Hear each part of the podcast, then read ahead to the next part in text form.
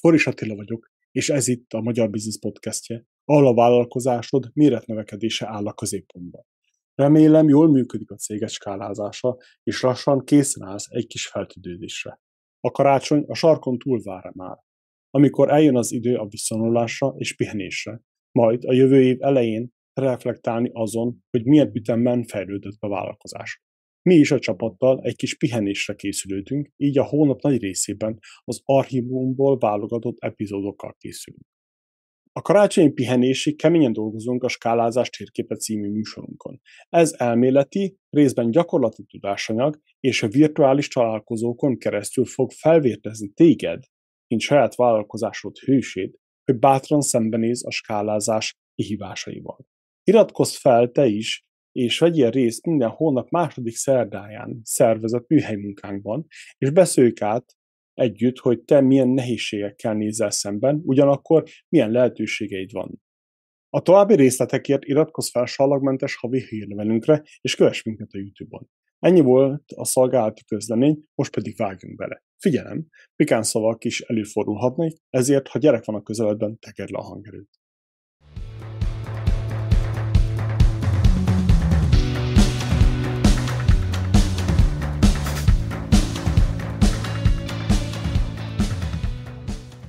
Jó reggelt, magyar vállalkozók, Foris Attilők, és ez itt a Magyar Business Podcast. Mai vendégem Tarcali Patricia és Verő Barbara, és megint valami HR-ról beszélünk, remélhetőleg majd más csomagolásba. Sziasztok, sziasztok, jó reggelt! Jó reggelt, sziasztok! Jó reggelt! Kezdjük az elején. Hol születtetek, mikor születtetek, és mit kerestek ti itt? És legfőképpen, hogy jutottatok ide? Én, én szívesen elkezdem, azt hiszem, én vagyok a, a, az öregebb egy picit hogyha ez ennyire nagyon a számokról szól, akkor 75 április másodikán születtem, ugye ez akár előny meg hátrány is lehet. Elég közel volt a bolondok napjához ahhoz, hogy némi defektet azért kapjak, de azért elég távol ahhoz, hogy azért ez így nagyjából konszolidálódjon. Én Budán születtem, de most az elmúlt húsz évben Pesti vagyok, úgyhogy ennek is van egy érdekes vonulata, hogy az ember minek is vallja magát nagyvállalati környezetben szocializálódtam, ennek is megvan az előnye, hátránya, az, hogy túl sokáig egy helyen szerintem ez, ez már inkább hátrány, de majd erről is beszélgethetünk, és utána ugye Patriciával közösen alapítottuk meg a, a cégünket, a Future Proof Consultingot, és most már negyedik évünket zárjuk nem sokára, úgyhogy nagyon izgalmas lesz. Én, én 88-ban születtem, július 17-én, tehát egy hetedik hó, hetedik hó 17, vagy 88, majd akik a számisztikával szeretnek foglalkozni, kiszámolják, hogy jó vagy rossz, vagy milyen omen. Ilyen szempontból a drága szüleim mindig azt mondták, hogy, hogy trágyahordáskor születtem, és ezért vagyok szerencsés. Hát meglátjuk, hogy igazuk lesz itt a történet végén, vagy nem ilyen szempontból. Um, amit gyerekkorom óta viszonylag elég hamar tudtam, hogy nekem valami olyasmit kell csinálnom, ami, ami emberekkel kapcsolatos. Tehát, hogy én emberekkel szeretnék foglalkozni, embereknek szeretnék segíteni, és itt indult magától értetődően, hogy akkor a következő lépés, hogy orvos leszek. Egészen pontosan azon belül is a, a patológiát választottam volna, ami azért fura, mert hogy hát ott már viszonylag kevésbé lehet segíteni az embereknek, de aztán rájöttem, hogy azért vonzott ez a ez a, ez a szakterület, mert mindig is szerettem a, a, a kirakósokat. Tehát, hogy az, hogyha rendszer szinten valamit meg kell érteni, hogy, hogy okokozat mi miért történik összefüggések, az, az nagyon foglalkoztat, és az az, az a, a, amikor én lételememben vagyok. És utána rájöttem, hogy megnéztek, hogy hát állítólag átveszi a, a az ember azt a bizonyos szagot, ami a, ott a, ugye a boncteremben van, és társai ezért lebeszéltek róla, és akkor föladtam, aztán egy darabig állatorvosnak készültem, mert hogy ők mégiscsak cukik, és, és lehet nekik segíteni. Aztán arról is sikerült meggyőzni a, a, a körülöttem lévőknek, hogy iszonyatosan sokat kell hozzá tanulni, és valahogy akkor nem abban az állapotban voltam, és ezért úgy döntöttem, hogy menjek közgazdásznak, ez akkoriban kezdett el ilyen, ilyen nagyon divatos lenni, hogy, hogy közgazdásznak kell menni, mert onnan még bármi is lehet. Na hát ez így is volt, és szoktam mondani, hogy nekem ugye eredetileg pénzügyi diplomám van, de ezt nem mondják el senkinek, mert hogy már így rögtön a, a karrierem elején a, a főiskola első éve alatt a Nestlé-nél kötöttem ki gyakornokként, és a HR osztályon, és ez, ez valahogy ilyen természetesen organikusan alakult így. És Ezt elmondhatom most meg a, a, a mi szempontunkból, hogy, hogy ez hogy nézett ki a, ugye én voltam akkor a, a HR vezető, és ugye megvolt ennek a folyamat, hogy hogy kell jelentkezni a, a Nestléhez, hogy szépen beküldöd az önéletrajzodat, akkor egyszer csak fölhívnak, és akkor egyszer csak majd megbeszélünk egy időpontot.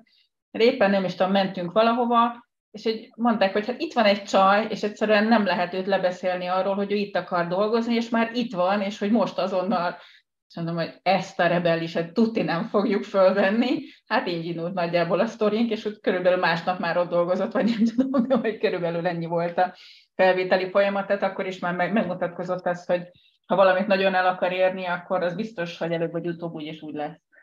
Ja, ennek az előzményét nem láttad a, a, a, azt, a, azt az egy napot, ami, vagy egy hetet, ami ezelőtt történt, ugyanis Nekünk kötelező gyakorlat volt, és a, akkoriban divat volt ez az állásbörze, és az állásbőrzén találkoztam a Neszlével. És akkor én kitaláltam, hogy jó, nekem ez szimpatikus volt, ezek az emberek, akik ott álltak, akkor én itt fogom tölteni a gyakorlatot, mert mondták, hogy kétféleképpen lehet, vagy elmész és megcsinálod rendesen, vagy pedig, vagy pedig leigazoltatod ismerősök vállalkozásába, hogy te voltál gyakorlaton, és és én eldöntöttem, hogy ezt én rendesen fogom csinálni, úgyhogy becsattogtam az Íbül Miklós térre, ahonnan előző héten költözött el a Nestlé iroda egy új épületbe, nem messze onnan, csak egy, egy két villamos megállóra, és akkor a, a bácsika, a portás bácsika ott ilyen furán nézett rám, hogy mit keresek ott, mert hogy itt már nincsen senki, csak az egerek meg a por és hogy legyek kedves átcsattogni az új irodába.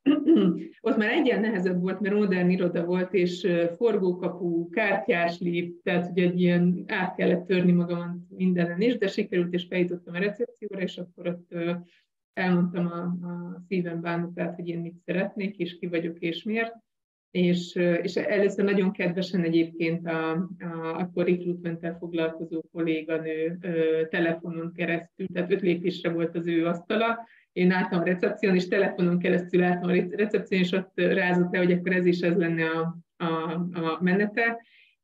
Ami után következett az, hogy kb. három napig telefonon meg e-mailen zaklattam, majd behívott, és innen folytatódik a történet, ami Barvi elmondott, hogy akkor itt van ez az elszánt fiatal, aki adjunk neki munkát, mert elmenni nem fog. Úgyhogy innen indult közösen a, közösen a, a történetünk és karrierünk, és ugye most pedig már a, több mint négy éve építjük a közös saját vállalkozásunkat. Hogy találtatok egymásra, hogy, hogy vállalkozni akartok? Ennek mi a háttérsztoria? Hú, szerintem ez egy lassan érlelődött bennünk, illetve most egy, egy visszagondolva lehet, hogy, hogy nem is annyira. A, még a múltamhoz hozzátartozik, hogy én nem emberekkel, meg patológiával szerettem volna foglalkozni, hanem kutyakiképző voltam egyébként. És a mai napig azt állítom, hogy a, amit ott megtanultam a kutyakiképzésnél, azt a következetességet, azt a rendszer szemléletet, azt nagyon-nagyon jól be lehet hozni. Tehát én meg 16 évesen már kutyákat képeztem, tehát hogyha ez az első vállalkozásnak lehet hívni, Egyébként egészen jól meg lehetett belőle élni már akkor is. Úgyhogy először elvállaltam kutyákat, és utána elvállaltam gazdákat, hogy hogyan segítsenek a, a, a kutyáiknak. Úgyhogy ez ilyen, ilyen jó pofa vállalkozás volt így először. Aztán, aztán hát én kivételesen az a HRS vagyok egyébként, aki, aki HRM végzett, és akkor azt gondoltam, hogy hát csak el kéne helyezkedni. Akkor az, hogy, hogy mit jelent, hogy vállalkozás, azért nekem őszintén nem volt erről igazán fogalmam. Tehát azt gondoltam, hogy ha az ember végez a, az egyetemen, akkor egyértelműen hogy csak azt lehet csinálni, hogy akkor beül egy, egy nagyvállalati székbe. Úgyhogy ez volt egy, egy relatív természetes evolúciója a dolognak, és azt kellett észrevennünk, hogy akkor elmondom az én szempontomban, aztán utána mondja majd a, a Patri, hogy, hogy, hogy én sosem találtam igazán azt a nyugvó pontot, hogy nekem adnak egy feladatot, megcsinálom, kipipálom, és akkor én boldog vagyok, és hátra lehet dőlni, hogy akkor én készen vagyok. Nem mindig azt néztem, hogy oké, de ez hogyan illeszthető bele egy nagyobb képbe, ez hogyan függ össze a másikkal, mit lehetne még csinálni, úgyhogy én voltam az, aki sosem kérte azt, hogy, hogy léptessék elő, csak mindig azt láttam, hogy van kedved ezt elvállalni? Hát persze, hát akkor, akkor menjünk tovább. És igazából ez a folyamatosan nézzük, hogy mit lehet csinálni, hol lehet tanulni, hú, ez milyen érdekes, hogy akkor még azt is behúzom a képbe, azt is behúzom a képbe. Úgyhogy igazából nem vettem észre azt, hogy ez vállalkozás, csak hogy olyan az a nyughatatlanság belülről, hogy, hogy gyerünk, még tanuljunk, és akkor, akkor nézzük meg, hogy mit lehet csinálni. Uh, úgyhogy én nem vettem észre, hogy 18 évig tulajdonképpen vállalkoztunk nagyvállalati környezetben, de most így visszatekintve egyértelműen, tehát hogyha már nem lett volna mit tanulni, és ez volt az egyik ok, amire eljöttünk, hogy igazából azt, hogy már az ember ötötször vagy nyolcadszor csinálja meg a bértárgyalást, nincs nagy hozzáadott értéke. Úgyhogy így lettünk szerintem, vagy legalábbis az én szempontomból vállalkozók, hogy, hogy kinőttük azt a játszóteret, ahol, ahol odáig próbálkoztunk. Mm, abszolút. Tulajdonképpen, amit, amit mesterségesen próbált, meg mostanában is próbál sok nagyvállalat létrehozni, meg megteremteni, tehát ez a, ez a belső vállalkozó kezdeményezés vagy szellem, ezt, ezt mi akkor organikusan a saját területünkön hoztuk létre ilyen szempontból. És a, amit, amit, amit én tapasztaltam, az az, hogy, hogy mindig beleültem valahogyan egy munkakörbe, és sose úgy hagytam ott, ahogy, ahogy abba beleültem. Tehát, hogy így a, nem csak munkaköri megnevezés szempontból, hanem így tartalom, nem tudom, szakmaiság, kiterjedtség, stb. stb. Tehát, hogy, hogy volt egy, egy mondás, és akkor ezt így utólag találkoztam vele, hogy, hogy tényleg az van, hogy, hogy azt hozol ki egy munkakörből, amit, amit tudsz, meg szeretnél, csak bele kell állni a, a, a dolgokban, és ez így meg is valósult.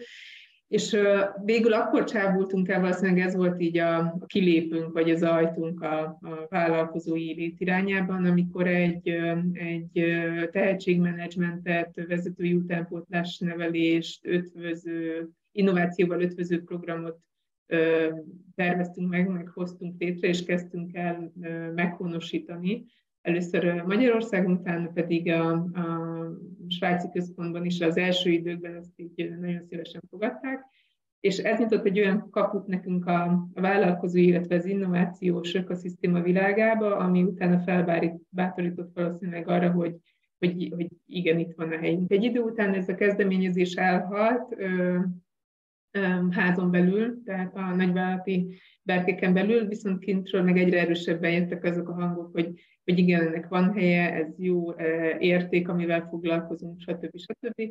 Úgyhogy én, amikor a szülési szabadságról visszajöttem volna, Barbinek pont addigra lett tele a, a vócipő, és gondolta úgy, hogy egy új mederbe lenne érdemes terelni a, a, a karrierjét, és akkor így közösen egy giroszosnál megállapítottuk, hogy akkor meg, megalapítjuk a saját vállalkozásunkat. Jól, jól is hangzik ez, mikor ilyen egyszerűen az emberek leülnek, megbeszélik, és csinálják. Ez ilyen annyira hát igen, egyszerű. Ez, egyszerűen, ez, egy, ez egy tíz év volt mindösszesen nagyjából, tíz évet dolgoztunk együtt, és ez, ez azért is fontos, mert mindig, eh, mindig elmondjuk a, a, az alapítóknak, meg a vállalkozóknak, hogy, eh, hogy olyan társalapítójuk legyen, aki, aki kipróbált. Hát ugye nem véletlenül általában a mai világban azt veszi el az ember, akivel már élt is együtt, hogy, hogy tudja azt, hogy milyen, amikor szétdobálja a büdös zoknit, meg egyéb csontvázak kihullanak a fiókból. Tehát nekünk erre a teszt időszakra volt tíz évünk, és ezért már, már nagyjából nem nagyon tudjuk meglepni egymást semmilyen értelemben. ah, jó is az, jó is az. Oké, okay, és akkor eldöntöttétek, hogy ti, ti, szak, hogy ti uh, alapítottak egy céget. Mi volt a következő lépés? Hogyan szereztetek az első 10-20-30 uh, klienst? Hogyan alapítottátok meg? Esetleg volt-e valami alapelveket, vagy nagyon rendszergondolkodónak láthatiteket, esetleg valami rendszert előre felépítettetek, és azt követétek, vagy inkább fordítva? Hogyan, hogyan zajlott itt az első egy-két év? Le- lehet, hogy, hogy reflektálok egy-két dolgot, aztán majd, majd meglátjuk, mi lesz belőle.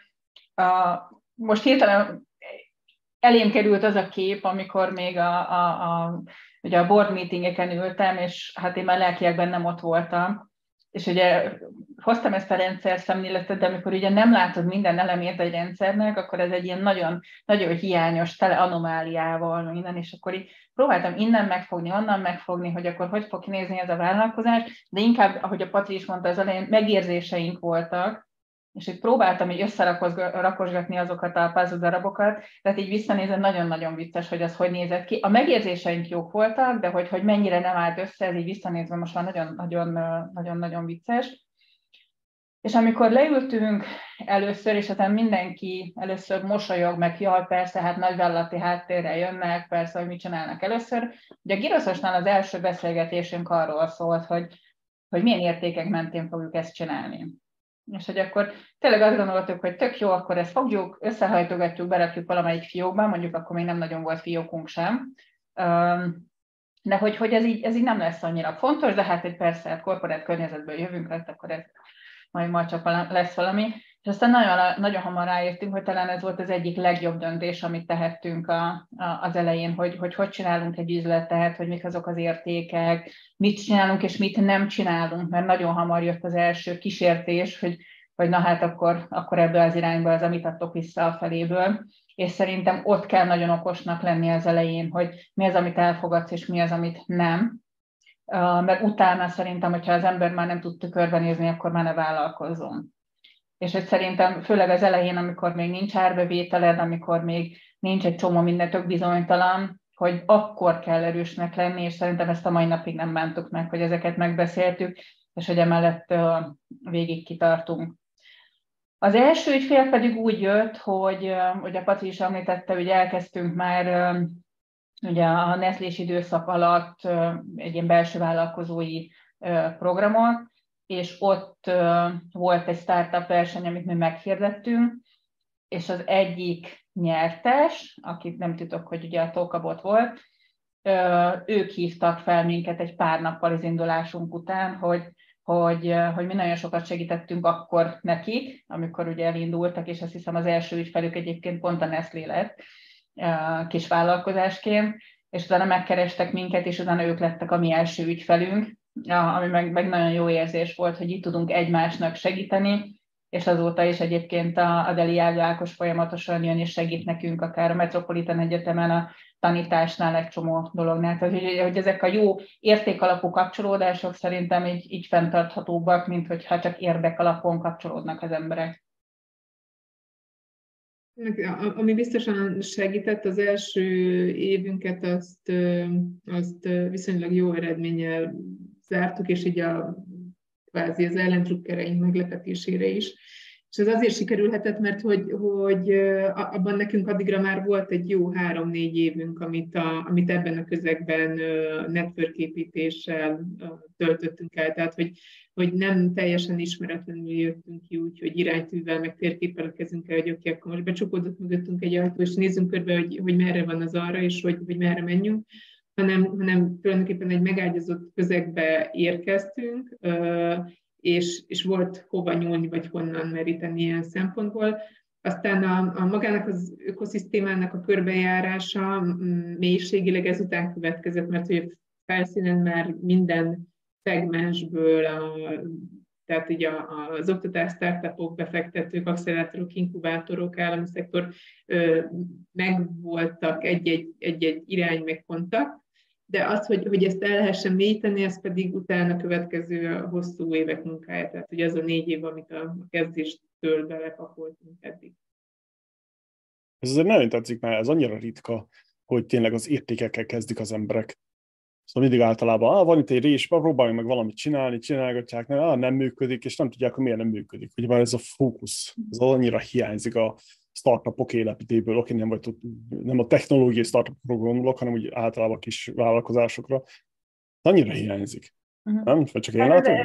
Annyira, annyira hiányzik, hogy, hogy most már egyre többször van ilyen egyébként, hogy ugye tényleg próbálunk ugye az egész ökoszisztémával foglalkozni, és rengeteget kell edukálni.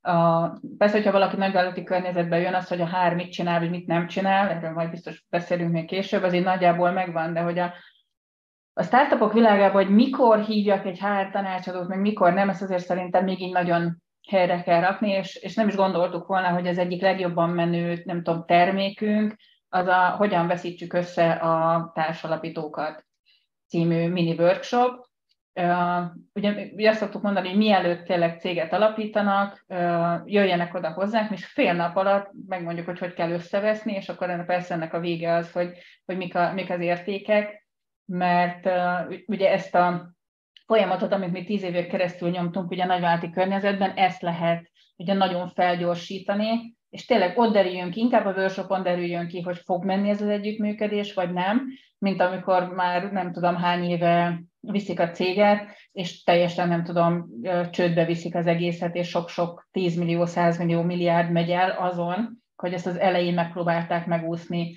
Csak tegyék le, szúrják le azokat az alapelveket, ami alapján együttműködnek, de most már látják ezeket a fájó pontokat, és egyre több eljönnek, úgyhogy de ez amit az elején nehéz lett volna megtervezni, hogy na miért szeretnénk, ez benne kell lenni, és minden nap dolgozni a startupokkal annak érdekében, hogy tudjuk, hogy mi fáj nekik, és akkor ez alapján lehet egyébként a, a termékeket finom hangolni. Uh-huh. Akkor titeket, hogy, hogy, hogy, hogy állítottátok be magatokat? Mi, miben különböztek a többi hasonló cégtől a piacon? Az, hogy a multinál milyen, az más látésztalan, azt tudjuk, hogy nagyon gyenge a HR osztály, általában csak dísznek van, hogy azért mert a törvény meg előírja. De maga a piacon, a consulting piacon, ezt, ezt hogyan definiáltátok magatokat? Mm.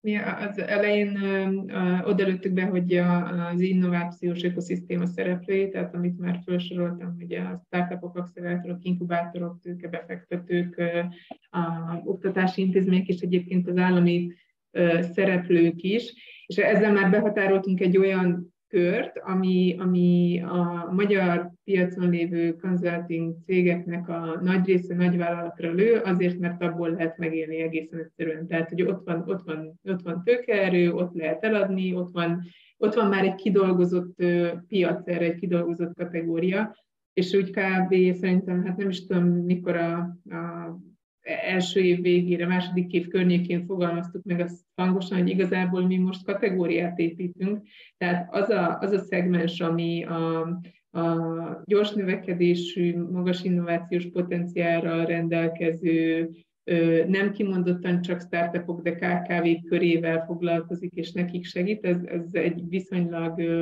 szűz terület volt még. Nagyon kevés olyan szolgáltató van, aki kimondottan rájuk lő Magyarországon, vagy pedig tudatosan lő rájuk, és, és úgy, hogy ehhez megvan a, a, a szépen magyarul így a, a track recordjuk, tehát hogy meg, meg, megvan hozzá a háttértudásuk, tapasztalatuk, hogy, hogy ezzel foglalkozhatnak is, mert értik a problémájukat, hogy, hogy, hogy mivel küzdenek.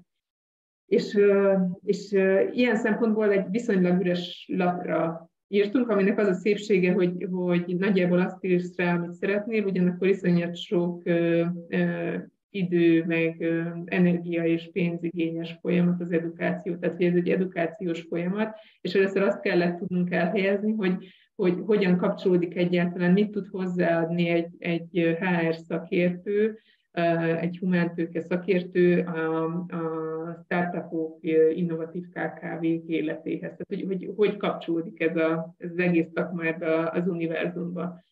Hm. És talán mostanra értünk el odáig a, a magyar piacon, hogy, hogy a nagy többségnek már nem kell magyarázni, hogy ennek helye van, és hogy fordíthatjuk át oda, hogy akció, vagy oké, okay, viszont ez a gyakorlatban hogy néz ki, tehát hogy mik, mik azok a, a, a problémák, kihívások, tünetek, amikor, amikor be kell hívni az adott szakértőt. Tehát, hogy ez a szint tudatosság még nincsen meg, most még a, a, az awareness rész van, hogy, hogy igen, létezik ilyen egyáltalán a piacon. Hm, érdekes, nagyon érdekes.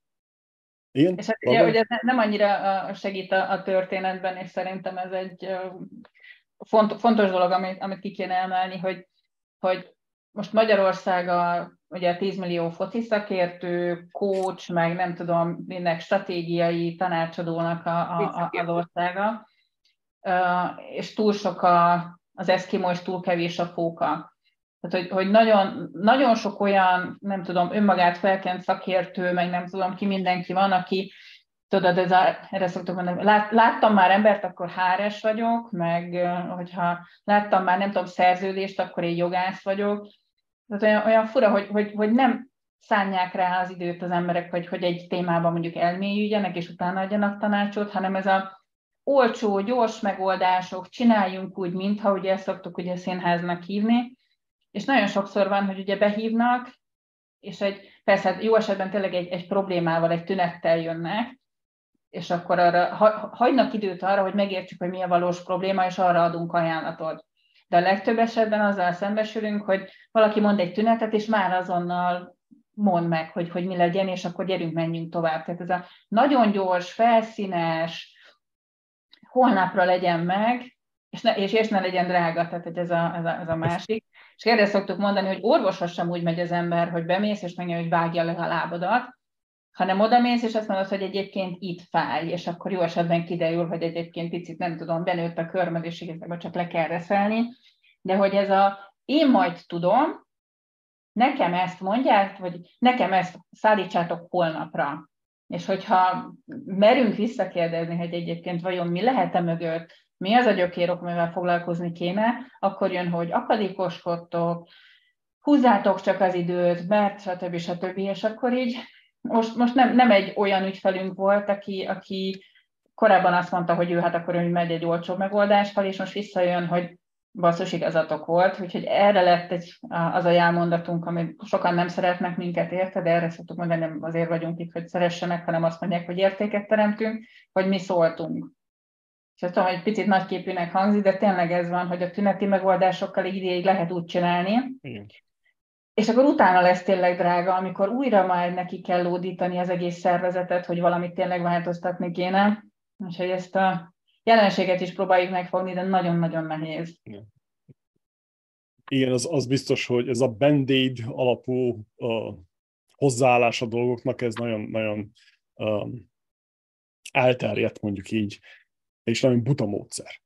Mm. Szóval meg kell érteni a problémát, és, és néha tényleg a cégnek maga a genetikáját kell ilyen CRISPR móddal uh, megeditálni ahhoz, hogy az a cég az tényleg ki tudja heverni azt a betegséget, ha lehet ilyen ideológiát, vagy ilyen szót használni, és nehéz, de és tényleg jönnek ezek, a, ezek az emberkék, akik egyébként nem is jönnek általában a podcastünkre, ez ilyen meglepő módon, nem is tudom miért. De igen, nehéz, nehéz. Fel kell hát, nőni. Azért, mert, mert ugye, ugye te is azt mondod, hogy értéket akarsz az által teremteni, hogy ugye mélyére mész a dolgoknak, és amikor mélyére kell menni, akkor azért kiderül, hogy valaki érti a dolgot, vagy nem vagy Így csak van. úgy kell csinálni, mintha, és ez tök jó lenne egyébként, hogy helyére kerülne, hogy, hogy mindenki azt csinálja, amihez ért, és akkor egy picit talán így könnyebben menne a működés. Hát, hogy, hogy őszintén én is, amíg fel nem nőttem idézőjelbe biznisz szempontból, addig nem értettem, hogy mit jelent az, hogy okos kérdés feltenni. A kérdés az kérdés, igaz? Hát tényleg az okos kérdés feltenni, az, annak lát, ahhoz látnod kell az egészet, hogy működnek a dolgok, legalábbis minél nagyobb részét. Ma addig csak felszínes kérdéseket teszel fel. Ez hát ezért, ezért tudom, hogy a, sokszor a, a coaching társadalommal is komoly összetűzésbe keveredünk, amikor ugye valaki éppen végez az egyetemen, és akkor ő hirdeti, hogy ő már tök jó, ő meg coach.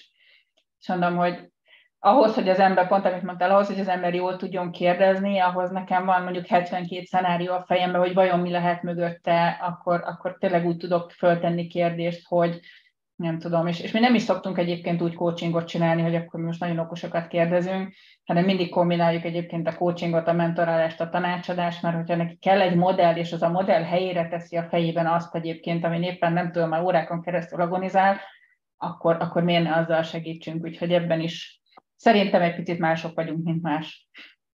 Egyetemen oktatunk, és most pont, pont beszélgettük, van a oktatói munka, a hallgatói véleményezése. És beszélgettük, hogy évvégén nagyon kíváncsiak leszünk, milyen lesz az eredmény, mert nem, nem szokványos a, a vizsgáztatási módszerünk, és ez nem abban különbözik, hogy, hogy, hogy a feladat jellege, mert eset tanulmányt kell feldolgozni, és azért most már Magyarországon is egyre elterjedtebb, hogy gyakorló szakemberek konkrét eset tanulmányokon keresztül dolgoztatják a, az egyetemi hallgatókat, és azt szerint vizsgáztatják őket hanem olyan feladatot kaptak, hogy úgy kell összerakniuk egy változásmenedzsment tervet, hogy nincs, nincs, nem tudnak csomó kérdésre konkrét választ adni, hanem a kérdésre jó szempontokat és jó kérdéseket tudják összeszedni. Tehát, hogy amikor először ezt megkapják, megkapnák a való életben feladatként, akkor, akkor ugye így tud elindulni, hogy végig kellene gondolni, hogy mit kell egyáltalán csinálni, milyen kérdéseket kell föltenni, kinek kell föltenni, milyen szempontokat. Tehát ez a rendszer szintű gondolkodás ahhoz, hogy mozgósítjuk az erőforrásokat, stb. És, és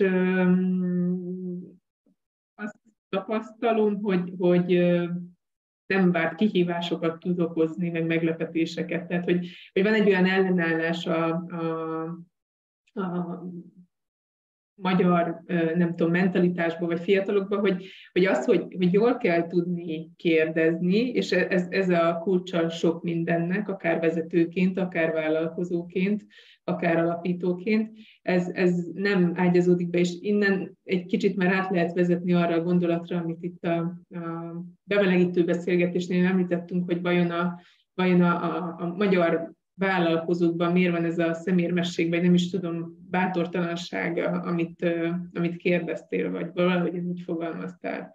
És hogy, hogy, hogy ez innen gyökeresztethető, vagy innen indul valahonnan, hogy, hogy már eleve az oktatási rendszer, magyar oktatási rendszer arra szocializál, hogy, hogy hallgatás és megfelelés. Tehát ez a kiálló szők beveretik, a, az átlagos a, a norma, hogyha akár fölfelé, akár lefele kitérsz, azzal nem tud a rendszer mit kezdeni, és, és ezért folyamatosan a, a, az átlag irányába vagy terelve, tehát hogy feleljél meg. És, és nekünk erre van egy ilyen hipotézisünk, hogy ez az egyik oka. Másik oldalon meg ezt azért nyilván így történelmileg is vissza lehet vezetni, hogy akkor milyen gazdasági meg társadalmi behatások, meg változások voltak így, így a, akár rendszerváltás és előtte lévő korszakokat tekintve, ami ide vezetett, de hogy összességében a, a mai oktatási rendszer sem feltétlenül azt segíti elő, hogy akkor kezdeményezzünk, kérdőjelezzünk, előrelépjünk bármilyen témába.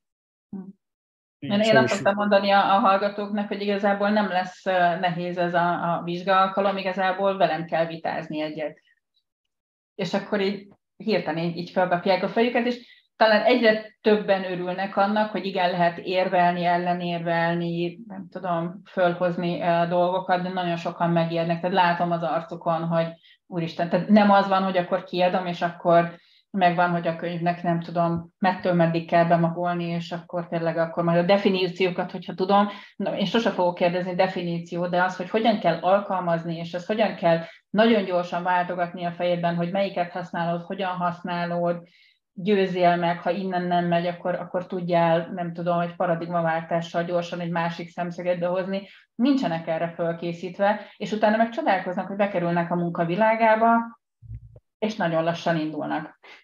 Igen, igen, az biztos sajnos, sajnos ez ilyen visszatérő probléma ez az oktatási rendszer. Hát, szeretünk volna jobb, jobb híreket hozni, de, dolgozunk rajta. Igen, szerintem kell beszélni a problémákról, így legalább van esély az embernek elgondolkodni arról, hogy oké, okay, mi más lehetne akkor csinálni. Szóval mm. lehet akkor há, há, otthon valamit, nem tudom, okosabb játékokat uh, venni, összerakni, kreálni, valami, valami, legalább tud az ember gondolkodni rajta. Mm. Mikor abban az államvilágban érünk, hogy milyen szép az oktatási rendszer, és akkor majd ügyes, ügyes okos vállalkozóink lesznek, hát ez bocs, de hm. nem fog működni. Legalábbis nem egyébként, egyébként sok mindent lehet már otthon is csinálni, tehát ugye mindig azt szoktuk mondani, hogy mi, mi van a befolyásolási körünkön belül. Valószínűleg ennek most így nem tudunk neki menni, hogy akkor megváltoztatjuk az oktatási rendszert, de az igen, hogy amikor hazajönnek a gyerekek, akkor mit kérdezel tőle, hogy milyen volt az ebéd, vagy várja, nem az a legjobb, jó volt az ebéd, jó, és akkor ebben így, így kimerül, vagy az, hogy, hogy mire vagy a legbüszkébb a, a mai napon, mi sikerült a legjobban, mi újat próbáltál ki, mit tanultál belőle, és már ezzel egyébként, hogy adsz egy biztonságos környezetet, és a biztonságos környezetben hozod ezeket a kérdéseket, és kialakul egy beszélgetés, már ezzel egyébként nagyon sokat lehet változtatni. Igen.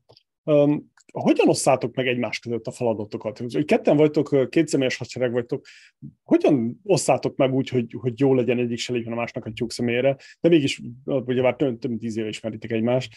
Ez, ez hogy működik? Hát, egyrészt van egy ilyen alapszabályunk, hogy projekt tesítve dolgozunk, tehát hogy ügyfél szerinti projekt kiosztás van, hogy ki, ki, ki ért fele, vagy kinek az ökántja úgymond, és akkor ott az elejétől a végéig felelősség van, tehát hogy azt, azt menedzseljük a, onnantól kezdve, hogy, hogy ügyfélegény felmérés egészen odáig, hogy, hogy számlázás. A, a másik meg ez is olyan, mint egy, mint egy páros játék vagy csapatjáték, hogy, hogy megvannak a posztok, de időközben látsz a pályán, és bemozogsz, hogyha azt látod, hogy, hogy éppen, éppen a másiknak a posztja üres, vagy oda, oda kell. Tehát, hogy, hogy ezt még viszonylag, amikor, amikor ugye ketten mondjuk viszonylag könnyű művelni, mert hogy, hogy egy fókuszol a dolog, mert hogy egy, egy másik emberre kell figyelni ugyanakkor um, nem feltétlenül csak ketten oldunk meg mindent. Tehát, hogy van, vannak olyan kapcsolataink, partnereink, hogyha olyan témájú a megbízás, vagy olyan terület van, akkor, akkor koprodukcióba kvázi behúzzuk őket, és együtt dolgozunk a, a, az ügyfélnek. Úgyhogy igazából ez a titok, hogy ugyanúgy, mint ahogy vannak az alapértékek, amiket leütöttünk, vannak alap szabályok a működésünkben, amihez megpróbáljuk magunkat tartani, és, és azokat a mintázatokat behúzni, vagy átültetni, amit, amit akár a nagyvállalati környezetben megtanultunk, hogy minek miért van értelme, és, és ami alkalmazható és kell a, a mostani uh, mikrovállalkozásunkban, azokat át is húztuk és alkalmazzuk, ami, ami meg nyilván nem a mi méretünkre szükséges, azokat meg elhagytuk, de hogy, hogy uh, nagyon szoktuk azt javasolni, hogy akár olyan fiataloknak is, akik ilyen nagyon egyértelműen tudják, hogy, hogy ők vállalkozók szeretnének lenni, hogy a, a rendszer szintű gondolkodást és nagyon sok minden más készséget, meg tudást fel tudnak szedni egy egy-néhány éves nagyvállalati tapasztalatba, ami, ami iszonyat hozzáadott értéket tud teremteni utána a, a saját vállalkozások építésében. Ugye nem véletlenül van egyébként ez a statisztika, és nem tudom, hogy, hogy, hogy mondjuk Amerikában vagy USA-ban ez hova tehető, de hogy azt mondják, hogy ez a, ez a középkor, valahol a középkor tájékán, ez a 35-40 éves kor az, ahol a legsikeresebb startuperek vagy vállalkozók, alapítók vannak. Pontosan azért, mert hogy előttük van az a 20 évnyi, 15 évnyi munkatapasztalat, amit valahol eltöltöttek, akár már nem tudom, háromszor, négyszer bebuktak egy vállalkozást, vagy akár lehet, hogy, hogy munkavállalóként kezdték valahol, és úgy bontogatták ki a szárnyukat, de hogy, hogy egy, egy több évtizedes tapasztalattal a zsebükbe indulnak neki vállalkozást építeni. Igen, meg ugyebár a time managementben jó. Mert általában azért 40 évesen már van egy-két gyerek, van egy lakáskölcsön, meg hasonló, úgyhogy nem lehet csak úgy bulizni és éjfél, éjfélig kódolni a dolgokat, hanem ott már kicsit be kell osztani a dolgokat. De igen, ezt a statisztikát én is láttam, hogy, hogy tényleg ezen 40, 42 év volt a leg... 42, a, azt hiszem, igen. A, az igen, ez, ez még tapasztalt legyen, de, de be, belefásult még ne, és akkor szerintem itt van ez a. határmesdje, amit így érdemes belülni, és erre mondtam ugye legelején még a bemutatkozásnál, hogy hogy, hogy 18 év ez, ez már túl sok. Tehát, hogy tényleg arra jó, hogy, hogy a rendszer szemlélet meglegyen, meg tényleg egy csomó olyan dolgot az ember megértsen, hogy mi miért működik egy vállalatban, de hogyha meg túl sokáig ott marad az ember, akkor ugye ez az unlearn időszak, ami ugye a korporát élet után van, hogy tényleg elfelejt az, hogy milyen, amikor nem tudom, olyan infrastruktúra van körülötted, hogy tulajdonképpen minden is biztosított, hogy azok az izmok még mobilizálhatóak legyenek, hogy az ember egyszerűen képes legyen vállalkozni, és amikor igen, újra ketten vagyunk, akkor igenis fel kell gyűrni az ingúját, és meg kell csinálni egy csomó olyan dolgot, amit előtte egy hadsereg megcsinált neked, és mm. akkor te meg csak így hátba veregetted őket, meg megtapsikoltad, hogy tök jó, ez megvan, de hogy ez így, tehát, ha ez már nem mobilizálható, akkor ez nagyon veszélyes, és szerintem ez ilyen utolsó pillanatos volt nekem is például. Mm. Igen, és úgy, ugyanez lefordítható egyébként, a, ha már így a, a humán tőke menedzsment, meg a, a, a hozzáértő HR partnerségről beszélünk, hogy hogy minél több mintázatot lát az ember, minél több tapasztalata van, annál jobban tud segíteni, vagy kvázi kopálotja lenni az üzleti döntéshozónak, vagy a vezetőnek HR-esként. És, és ezt is azon a szemüvegen keresztül, tehát hogy az, azzal, azzal a, a látásmóddal, vagy ezzel a tapasztalattal, amit a, most négy-öt év alatt nem tudom, nem akarok hülyeséget mondani, de ahány céget láttunk, ahány vezetőt mentoráltunk, tehát ez már ilyen három számjegyűre tehető a, a, a négy év alatt, és hogy ez egy olyan, olyan rálátást, meg mintázatot hoz, amit, amit egy minta alapján, egy cégnél, vagy két nagyvállalatnál, tehát hogy, hogy nagyvállalati szinten e, ezt a, ezt a mintázatnak ezt a skáláját nem lehet behúzni. És hogy, hogy ezért van az, hogyha visszagondolunk, hogy amikor beszéltünk arról, hogy mit jelent az üzleti partnerség, még nagyvállalati sapkában, nagyvállalati szemlélettel, akkor ez megint ez a tudtuk, de nem sejtettük kategória volt, hogy, hogy ha, ha, ha olyan vállalkozókkal, olyan vezetőkkel dolgozol, akiknek ugye a cégméretből adódóan sokkal jobban fáj és valós probléma az, hogyha üzletileg ö, ö, sérül már a szervezeti alulműködés miatt az eredmény, és tényleg változtatni akarnak, ott lehet igazán elkezdeni ezt a fajta munkát. Nagyvállalati környezetben már egy bizonyos méret felett nagyon, nagyon nehéz elérni azt a, azt a bevonódást vezetőktől, ami egy olyan szintű, ahol, ahol mondjuk a te saját vállalkozásodról beszélsz, vagy egy, egy, egy KKV-nak, vagy az vezetője.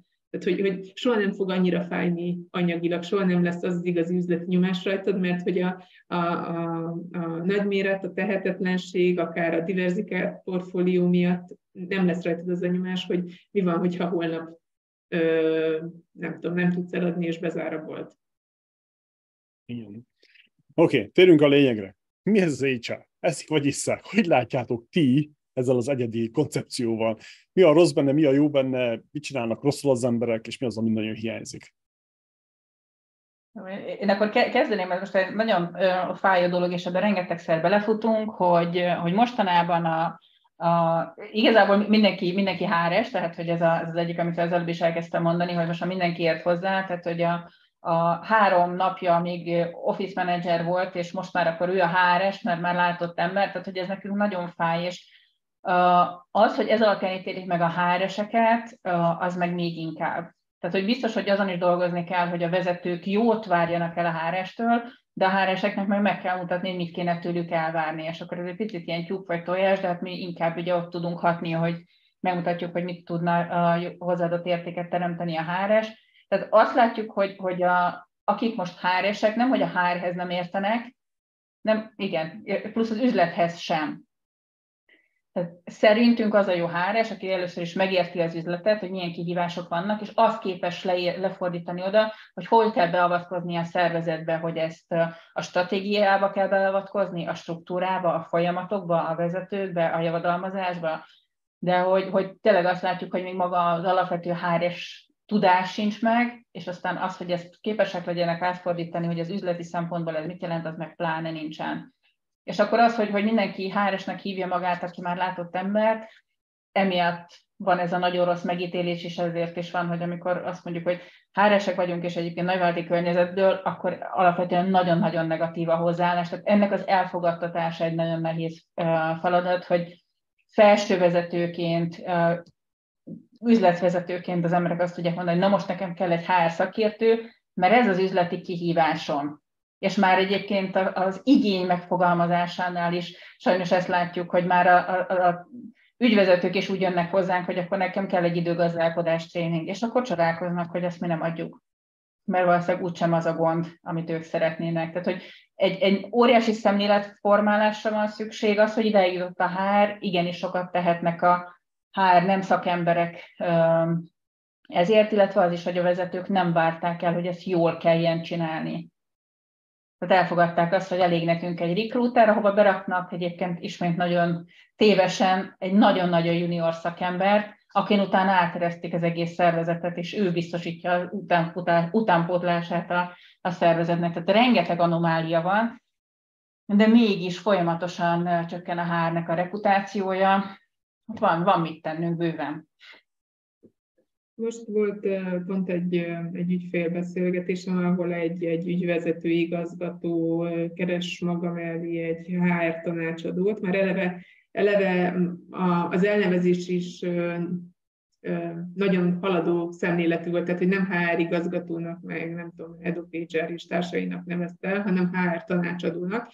És amikor először láttuk a kiírást, akkor egy kicsit így, így furcsálottam is magamban, hogy milyen indítatásból nevezték így el, és akkor, és akkor elindult a beszélgetés, hogy tulajdonképpen mire is lenne szükségük, és kiderült, hogy azért alakult ez így, mert abban a szerencsés helyzetben ö, ö, van ez, a, ez az ügyvezető igazgató, hogy ő nem fertőződött meg a karrierje során a, a rossz HR-es mintázatokkal. Mondta, hogy ő, ő nem, nem, nem volt közvetlen közeli élménye egyetlen HR-es szakemberrel sem eddig, hogy, hogy ő ezt a saját bőrén megtapasztalja, hogy mit lehet várni, meg mit nem lehet várni. Úgyhogy ő csak így szüzen a saját igényei, üzleti igényei alapján meg tudja fogalmazni, hogy mire lenne szüksége, milyen támogatásra.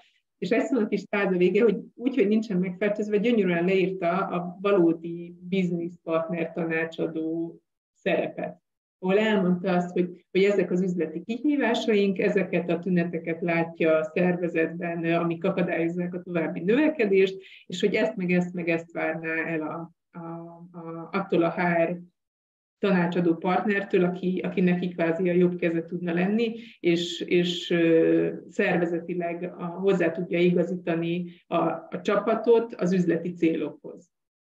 És, és így, itt, itt jön ez, hogy, hogy Ja, és a történetnek a szépsége, hogy már nyolc, tehát hogy nagyon több hónapja, több mint fél éve keresnek, és úgy, úgy kerültek hozzánk, és, és, és hogy, hogy ez most egy általános mintázatnak kezd látszani, vagy, vagy ez olyan, hogy amiről beszél az ember, azt vonza be, hogy egyre többen keresnek azzal, hogy ezt a fajta szemléletet keresik.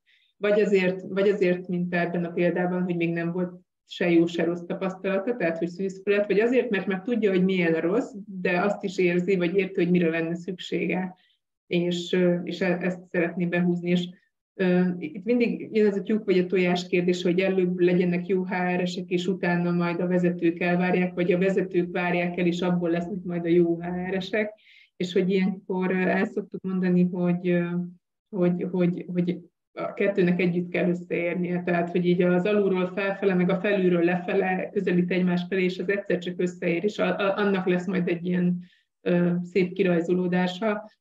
De hogyha ha nincsen meg a két véglet, tehát hogy a, a jó HRS alapanyag, meg azok a vezetők, akik ezt jól tudják elvárni és kérni, akkor, akkor sose fog megteremtődni ez a metszet, ahol a, a valódi üzleti partnerség, HR partnerség létre tud jönni.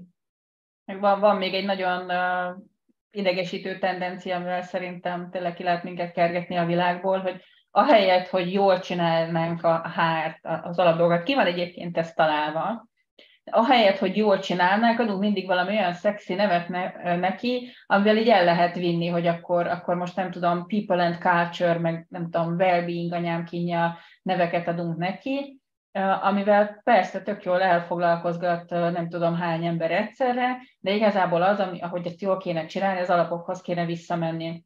De hogy ez, ez ugyanaz, amiről beszéltünk, hogy, hogy ilyen felszíni, nem tudom, csináljunk úgy, mintha megoldások, ameddig nem tudom, hogy adott ember egy adott pozícióban van, addig csináljunk úgy, mintha valami történne, aztán én balra el, és akkor utána majd valahogy uh, valaki megcsinálja, úgyhogy ez az egyik, hogy, hogy, hogy megpróbálunk ilyen nagyon szexi neveket adni e, dolgoknak, és akkor majd elhitetjük, hogy. A másik az az alapvető félreértés, hogy ugye az egyetemen meg szoktuk kérdezni a hallgatóktól, hogy hát miért jöttek HR szakra, és hát ugye az alapvető dolog, hogy mert szeretjük az embereket, és akkor szoktuk nekik mondani, hogy akkor viszont csillagjaim rossz helyen vagytok, hogyha szereti valaki az embereket, akkor menjen nem tudom, szociális munkásnak, vagy nem tudom, akár pszichológusnak, vagy, vagy ilyen jellegű, ahol tényleg emberekkel foglalkozik. Akkor elmondjuk nekik, hogy azért HR-esként az üzletet kéne először is érteni, és azokat a HR struktúrákat, folyamatokat, mechanizmusokat kell mögé pakolni, amitől jól működik a szervezet, akkor azért így szoktunk meglepett szempárokkal találkozni, hogy hát ők ezt lehet, hogy nem így gondolták. Ugye olyan alapvető félreértések vannak, és, és mondom, ezek a, a, a, szexinek tűnő, nem tudom milyen álcába bújtatott ö, ö, dolgok, ezek nem segítenek, mert vissza kéne menni az alapokhoz, és jól kéne csinálni magát a humán erőforrás tevékenységet. Ami, ami nagyon-nagyon rosszat tesz a, egyrészt a szakmának, meg egyébként ennek a, a HRS, meg a üzleti vezetők együttműködésének, hogy hogy sokszor az üzleti vezetők a saját képtelenségük kompenzálására akarják használni a HR-t. Tehát, hogy, hogy nagyon sokszor találkozunk azzal a félreértéssel, valahol implicit, valahol explicit módon, hogy, hogy a, a HR az azért jön, hogy nekem ne kelljen az emberekkel foglalkozni, mert majd ő motiválja őket, ő nem tudom, fejleszti őket, stb. stb. stb. stb. És akkor ezekben az esetekben ugyanakkor a vezetőknek, vagy a, a tulajdonosoknak, cégalapítóknak szoktunk csalódást okozni, amikor így finoman rávilágítunk, vagy odaigazítjuk őket, hogy a, a, a HR feladata az nem az, hogy kompenzálja a, a vezetői képtelenséget, a HR feladata, hogy megteremtse azokat a, az eszközöket, rendszereket, folyamatokat, ö, ö, teljesítménytámogató ö, eszközöket, amik ahhoz kellenek, hogy képesség tegyék a vezetőt és a csapatot a legjobb teljesítményre. Tehát, hogy, hogy segítse őket ebben is, és az ő vezetői fejlődés támogatásában, de nem helyettük végzik el a munkát. Akkor mi, mi a különbség, mondjuk, mi, mi, a, mi kéne legyen a felelőssége egy főnöknek, és mi az HR-nak, a HR szakosnak, vagy szakembernek a cégen belül? Hol, hol van az a, az, a, az a vonal, mikor azt mondjátok, hogy na, ezt, ezt kéne csinálni, azt meg a másik? Ez egy nagyon jó kérdés egyébként, mert, mert amikor mi elkezdünk dolgozni, akkor ugye mindig azt kérdezzük, hogy mi a vízió és mi a stratégia. És ez lenne alapvetően a, a feladata, és ugye említetted, hogy te pont ezzel foglalkozol, hogy ez, ez, ez összeálljon. Nekünk akkor nagyon jó dolgunk van, hogyha a vezető azt tudja mondani, hogy figyeljetek, itt van a vízióm, és az elkövetkezendő három évben ezt szeretném elérni, és ezek a fő fókuszpontok, ilyenkor mi már nagyon boldogak lennénk. És utána mi azt mondjuk, hogy, hogy ehhez a, az üzleti stratégiához mi hozzátervezzük a HR stratégiát, amit az előbb beszéltünk, hogy milyen struktúrában, milyen folyamatok mentén, milyen vezetőkkel, milyen emberekkel, milyen javadalmazás mentén lehet ezt az egészet úgy összepakolni, hogy elérjék azt az üzleti eredményt. De nagyon sokszor azzal találkozunk, hogy, hogy nem, hogy a vízió nem fogalmazódik meg, de az, hogy hogyan kéne eljutni, tényleg halvány fogalmuk nincsen a, a, a vezetőknek. Úgyhogy azért itt vannak még kihívások ezen az oldalon is, és jó esetben akkor együtt tudunk dolgozni egy tanácsadóval, aki segít az üzleti stratégiát összerakni, a pénzügyi erőforrás, hogy akkor mondjuk a mi szemszögünkből igazából azt szoktuk mondani, hogy akkor stratégia valami, hogyha minimum közép és hosszú táv meg van fogalmazva, és erőforrások vannak hozzárendelve. És akkor jó esetben a pénzügyi erőforrások, azokat már ő érti, látja, tudja, hogy mi kell hozzá, és mi hozzápakoljuk a másik lábat, ami pedig a humán megközelítés, a humán erőforrás, a humán tőke tehát hogy tényleg tekintsünk már a, a humán erőforrásra is tőkeként, ugyanúgy befektetés, ugyanúgy ki kell hozni belőle a maximumot, ehhez már meg kell teremteni az előfeltételeket. Oké, okay. egy órája beszélünk, de imádlak titeket. Szóval izé, stratégia, alapelvek, alapszabályok, szóval ez ilyen, hogy ez a gerince, ez a DNS a cégnek, hogyha ez nincsen, akkor mit, mit akarunk kezdeni az élettel? Szóval ez ilyen egyszerű. És, és, és az, hogy tény... amikor, amikor ezt elmondjuk valakinek, és mondjuk, hogy figyeljetek, ez, ez, ez nem, ugye, hogy hívják a rakétatudomány, ez olyan magyarul olyan furán hangzik, hogy, hogy vissza kéne menni az alapokhoz, és jól kéne csinálni az alapokat, jól kéne vezetni. Hát de hát ez olyan unalmas. Tehát inkább adjunk neki valami szexi nevet, hívjuk mondjuk agilitásnak, vagy nem tudom mi a bűbánatnak, és akkor majd jó lesz, és akkor eltereli a figyelmet onnan, hogy az alapokat jól kéne csinálni. Úgyhogy ezt tudom, hogy nem vagyunk vele népszerűek, de hát megbeszéltük, hogy, hogy nem azért vagyunk itt, de hogy az igazság meg sokszor fáj. Az biztos. Főleg, főleg a jó dolgot csinálni bocsánat, főleg a jó dolgot csinálni, a, a, azt, ami, ahogy kell csinálni a dolgokat, az borzasztóan fáj. Ha nem mások nézzünk az a saját életünkbe, elmenni a konditerembe minden nap, az borzasztóan fáj. Egészségeset enni, hát ki akar brokkolit enni, igaz, mert spenótot, mikor lehet jó kis kóbászt enni, meg hasonlót, főleg ilyen télen. Úgyhogy ezek ilyen dolgok, hogy, hogy ami, amit kéne csinálni, az kell, és akkor az meg nehéz. Patrici. Mm, um, egyszerűen um, Létezik ugye az üvegplafon elmélet, ami, ami, amit egyébként le lehet fordítani úgy is egy kis Péterelvel kiegészítve, és akkor mindjárt elmondom, hogy mi, mire akarok utalni, hogy, hogy minden vállalkozás annyira jó, amennyire a vezetője vagy a, a menedzsment gárda jó. Tehát, hogy addig tud eljutni üzleti teljesítményben is, ahol, ahol az ő, ő maximum van, és ez különösség, ez nem a, nem a nagyvállalati ö, környezetről beszélek, ott is egyébként észrevehető, ö, feltétlenül, ahol, ahol olyan, mint a Titanic, hogy, hogy a saját ö, tehetetlen lendületétől fogva megy előre évtizedeken keresztül, és hogy ott a dolgok folyásába csak nagyon minimálisan lehet beavatkozni. De, de tényleg a, a, a KKV startup környezetben Ja, az, hogy milyen állapotban van egy vállalkozás, az a lenyomata a, a vezetőknek, a vezetői gárdának. És hogyha ha, ha fejlődni akarnak, akkor egy idő után azt veszik észre, hogy az üzleti eredmények nem jönnek, vagy pedig nagyon szétzilált a működés, igaz? Egészségedre? És, és elkezd, elkezd fájni üzletileg, és akkor, akkor jutnak el egy idő után, de hogy oké, okay, akkor el kellene kezdeni foglalkozni a csapattal is, de ott még mindig a csapatról beszélnek, és nem, nem arról, hogy nekik mind kell változtatni, és a munkánknak a, a nagy része az, az a változásmenedzsment, amikor eljuttatjuk a, a statikus, mert így szoktam, nem az én rendszeremben van a hiba, odáig a, a vezetőt, hogy mi az ő hatása vagy befolyása az aktuális helyzetre, vagy pedig a növekedés elősegítésére. Tehát, hogy hol van az ő szerepe vezetőként ebben. És, és ezért szoktuk azt mondani, hogy hogy csomó esetben egyébként a maga a megoldás, mit kellene csinálni, az pofon egyszerű. Tehát ez ilyen egy, egy egyórás konzultáció, olcsón megúszva, egy nagyon, nagyon egyszerű, nagyon konkrét akcióponttal, de hogy, hogy igazából ilyenkor, amit megvesznek a, a vezető tulajdonosok, alapítók, az az, hogy az ő változásmenedzsmentjük az úton, hogy, hogy eljussanak A-ból B-be, és egy olyan döntésre, amit önmaguktól vagy nem ismernek fel, vagy lehet, hogy tudat alatt már felismertek, csak még nem mernek ellene tenni, vagy másképp cselekedni. Tehát, hogy így um, egyszerűen is megúszhatóak lennének a, a, a dolgok, de, de nagyon, nagyon sokszor ezért húzódik el, és ezért nagyon költséges, mert, a, mert, a, mert a, az embernek a változási hajlandósága vagy képessége az, az önmagától véges vagy korlátozott. Igen, igen, ez, ez ismerjük sajnos, hogy, hogy de mindegy, nem panaszkodjunk, de ez nagyon tetszik, amit, amit mondtatok, hogy, hogy megnézitek, hogy mi a biznisz stratégia és akkor az alapján kezelitek, vagy próbáltok elemezni és kezelni a problémát.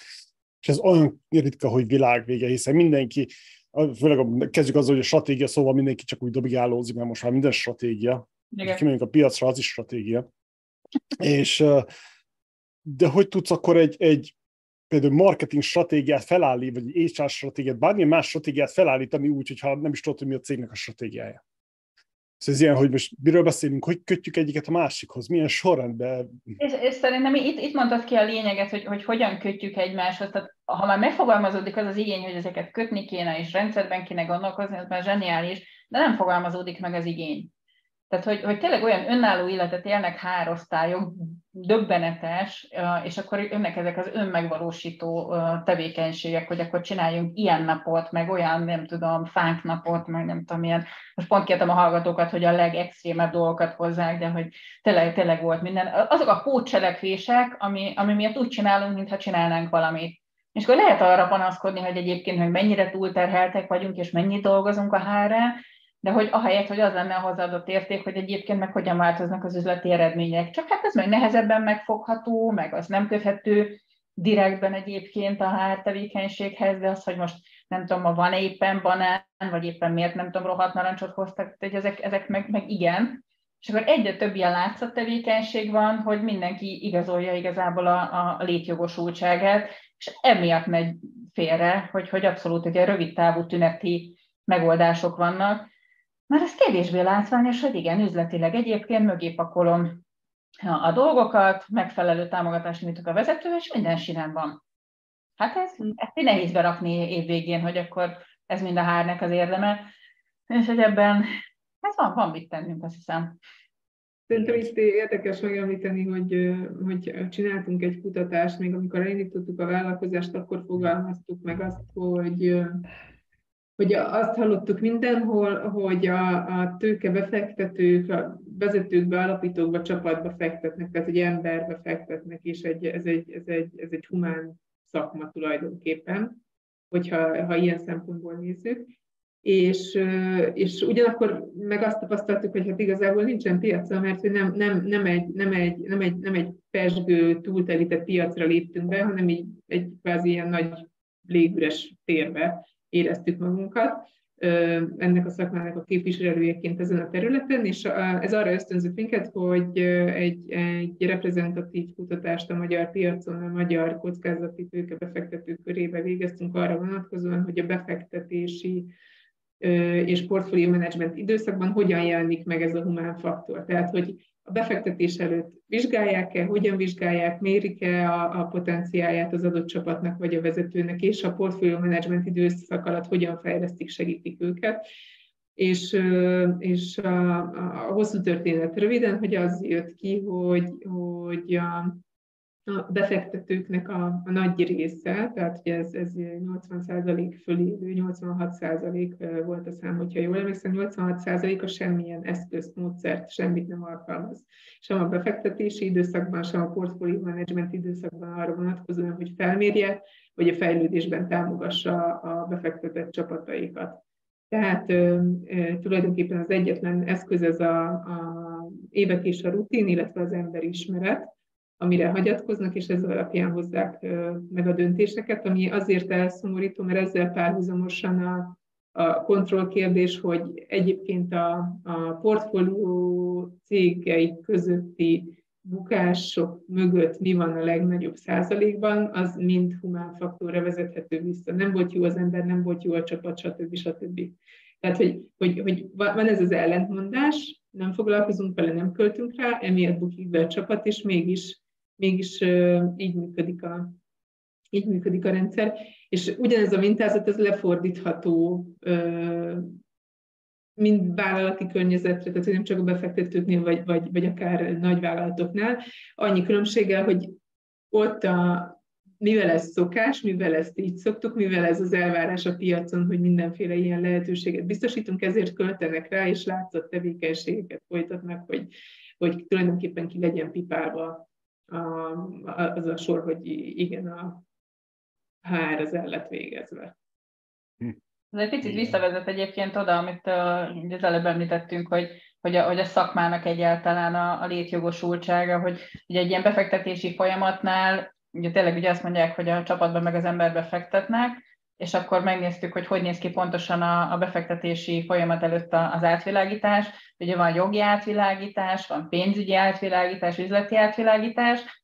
A jogihoz ugye felkérnek egy jogászt, a pénzügyes ez egy, egy pénzügyi szakember, stb. stb. De amikor jön a hár meg a csapat, ja, hát azt mi tudjuk, az már menni fog, mert hát évek óta ezt csináljuk. Tehát, hogy, hogy, hogy itt van szerintem egy alapvető kihívás, hogy az, hogy mi az a plusz hozzáadott érték, amit egy valódi humán szakember egyébként hozzá tud tenni, ezt azért még meg kell mutatni, mert nem egy ilyen körberajzolható tudomány, hogy akkor tényleg jog, és akkor, hogyha mint szerződés megpecsét van, akkor azzal foglalkoznak a jogászok. Úgyhogy rengeteg olyan határterület van, ahol azért itt átfolyódások vannak. Úgyhogy, úgyhogy hát van, van, van mit tenni ezzel bőven. Igen. Igen, pedig véleményem szerint valószínűleg meg is megerősítettek benne, de két ugye. Uh, véleményem szerint a negyedik legfontosabb dolog az a humán erőforrása az egész bizniszben. Az egyik ugyebár van egy vízió, mert ha nincsen vízió, akkor csak úgy vagy, a halak, úgy vagy is kész. Van az, hogy alapelvek, annak alapszabályok, ugyebár ez adja a játéknak a, a keretét. És akkor kellenek játékosok. És ez olyan, hogy egy jó sakmesterből nem lesz valószínűleg egy jó, mit tudom mm. én, triatlonos. Mm. Szóval akkor jó, meg kell válogatni, hogy kik azokat, akik beengedünk a játszótérre, hogy játszanak. És igen, itt elcsúszkanak a dolgok. Mm, abszolút, ha, ha kicsit ki szeretném élezni, ilyenkor szoktam megkérdezni, hogy láttunk-e már egyébként olyan víziót, ami kitalálta magát, vagy olyan ötletet, ami kitalálta, validálta, piacra vitte, skálázta, stb. stb. magát. Tehát, hogy igazából én az egész folyamat elejére nulladik pontra tenném az embert, mert minden vízió, minden ötlet, minden nem tudom mi mögött is egy ember áll, és, és nyilván utána csapatszinten ez sorolható hátra, de hogy, hogy, hogy ezeket a dolgokat is össze kell tudni tenni, ami az első három helyen van, és ilyenkor ezért szoktam egy kicsit provokatívan megkérdezni, hogy akkor akkor tudtok-e mondani nekem egy víziót, vagy egy ötletet, ami saját magát találta ki, és indította el, és stb. stb. És akkor ja igen, tehát hogy akkor ott, ott állunk, hogy ott van az egyszem alapító, akinek már jól kell tudnia működni ahhoz, hogy, hogy mindezek létrejöjjenek, és, és önmagában a vízió, meg a stratégia is, ahogy te is említetted, Attila, egy elcsépelt ö, ö, frázis most már, de mindenki, mindenkinek víziója, mindenki stratégia, így szemmel gondolkodik, de hogy a gyakorlatban, amikor megkérdezzük, hogy van-e, azt mondják, hogy van, e, ide jönnek, elkezdjük a workshopot, mi az, és kiderül, hogy ja, akkor nincs. És onnan indul, hogy oké, okay, akkor rakjuk össze, és már évek óta működő cégről van szó. És mindig um, azt, azt kell tudni átfordítani a fékbe, hogy a vízió az nem az, vagy nem csak az, ami arra van, hogy ki tudjuk tapétázni vele az irodába a falat, mert ugye kell, amit tudunk követni, meg ilyen mission vision statementek, mert az, az jól hangzik meg, nem üres a fal, hanem tényleg mi az az elérendő hosszú távú cél, amiért dolgozik az egész csapat, ami, amihez kötjük a stratégiát, ami nem változik hosszú távon, ami, ami mint egy ilyen horgonya a távolba le tudjuk szúrni, és arra fele, arra fele haladunk. És ebben az értelmezésben már sokkal könnyebb, mint egy ilyen, ilyen megfoghatatlan lufi, ugyanazt értelmezni szokták. Tehát, hogy, hogy itt is a, a, a fancy hangzatos megfogalmazások helyett sokkal inkább a praktikusság irányába próbáljuk terelni a, a gondolkodást, és, és abban, hogy honnan fogják tudni, hogy megvalósult a, a, a vízió, tehát hogy mik azok a kézzelfogható tények, ami alapján azt mondják majd x év múlva, hogy igen, abba az irányba tartunk, vagy elértünk odáig, amit kitűztünk magunk elé. Uh-huh.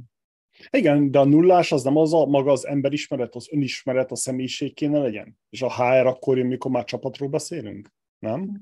A, a HR az igen, de hogy a, a humán tőke, mint, a, mint az egyik legfontosabb faktor, az igen, az ott van, hogy az alapítónak az emberismerete, az önismerete, a tudása, a tapasztalata, mindez a csomag, ami benne van, amivel ő elindul, amivel kitalálja azt, hogy ő, ő most vállalkozni fog. Uh-huh. Úgyhogy ezért mondjuk, hogy, hogy a, a nulla az alapító, és egyébként a, a maga a HR szakma az egy későbbi folyamatba bejöhet, mert egy jó alapító ö, viszonylag sokáig el tudja kegyektetni a csapatot, és amikor már amikor eléri ebben a határát, akkor, akkor kezdi el behúzni ezt, vagy kellene elkezdeni behúzni ezt a szakterületet, vagy szakértelmet, mint HR de hogy, hogy a, a, hogyha humán tőke szempontból nézzük, akkor az, az pedig egy ilyen nulladik tétel, tehát hogy ez az alap előfeltétel, hogy bármi is szülessen. Igen, igen. De ezt tök behoztad ezt, vártam, hogy jöjjön ez az önismereti dolog, mert azért itt a, a régióban nem nagyon jeleskedünk ebben, és ami, ami tényleg döbbenetes, hogy annyi vállalkozást látunk elbukni azért, mert ez a, az önismeret, az önbecsülés, ez, ez nincsen a helyén. Nem tudom, Magyarországon van egy ilyen CEO is, hogy mindenki is ügyvezető szeretne lenni, mert én akkor vagyok valaki, ha én vagyok a, a, az ügyvezető, és inkább bebuktatja a cégét, felhívjuk a figyelmét, mi fog történni, mi a tendencia, nem, nem ez a neki való szerep, és inkább bebuktatja a cégét, mint hogy valakit megbízna, hogy ő legyen az ügyvezető. Tehát a saját cégemben én egy zseniális, nem tudom, marketing guru vagyok, az nem oké. Okay. Én a saját cégemben nekem kell az ügyvezetőnek lenni, és itt igen, itt, itt az ego, az önismeret hiánya, rengeteg dolog jön, de hogy ebben, ebben szerintem élen járunk, hogy mennyire nem tudjuk ezt átdelegálni, ezt a felelősséget valaki másnak. Uh-huh.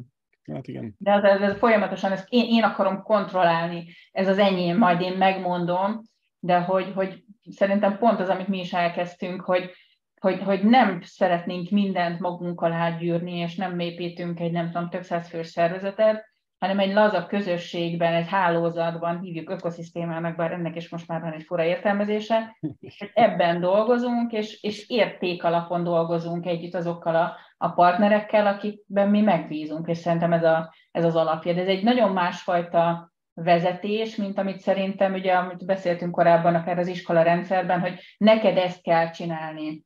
Tehát nem lehet kontrollálni, nem tudom kontrollálni azokat a, az egyenrangú üzleti partnereinket, akiknek ugyanúgy megvannak a, az irányaik, elképzelésük, víziójuk, hanem van egy pont, ahol mi összekapcsolódunk, segítünk egymásnak, és utána szétmegyünk.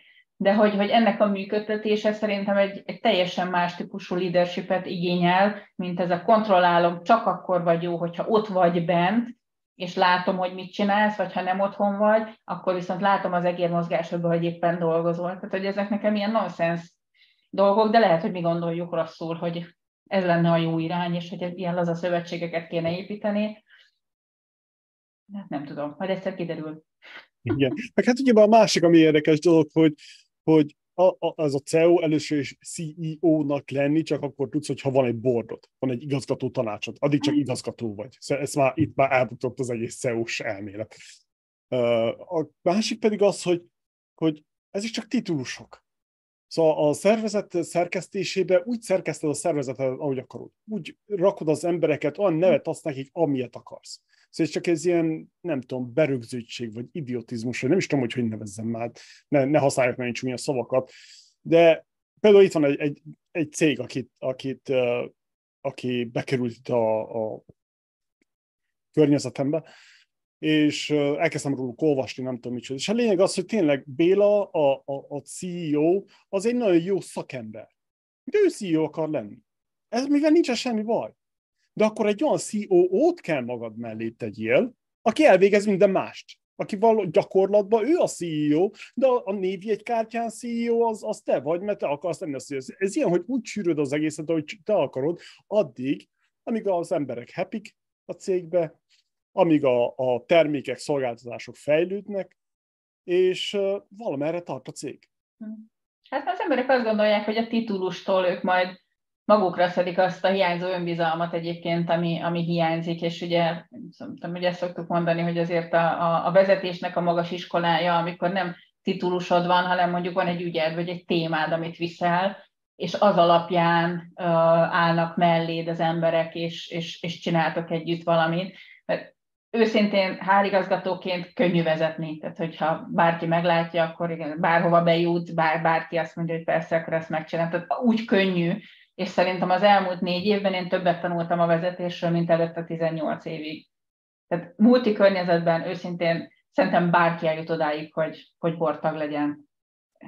Ez, ez, ez tényleg egy, egy kipipálandó feladat, ezt meg lehet csinálni, de amikor egy ügy mögé kell embereket toborozni, és meggyőzni őket arról, hogy ezt akár próbónó is csinálják veled, mert jó lesz, na ott jön már szerintem ugye az a, az a magas iskola, amit szerintem jó lenne elgyakorolni, mert az, hogy ügyek mellé állítani embereket, az szerintem a jövő egyik záloga lehet. Következő egyszerű kérdés. Mi az HR? Mi a humán, hogy mondják ezt magyarul? Humán erőforrás. Humán erőforrás. Vagy mi, mi kéne legyen? Vagy hogy fogalmaznátok ti meg a saját nyelveteken, hogy ez miről kéne szóljon? Mi gondolkodtuk, hogy bár az embereknél van ez, ez hogy a humán erőforrás minden, ami ember. Pedig nem. Hát Legalábbis nem kéne az legyen, de mégis az emberek azt hiszik, hogy az. És akkor ho, ho, mit gondoltok ti erről, vagy hogyan látjátok ti ezt? Hát mi nem véletlenül kezdtük el tudatosan azt használni a humán erőforrás helyett, hogy humán tőke.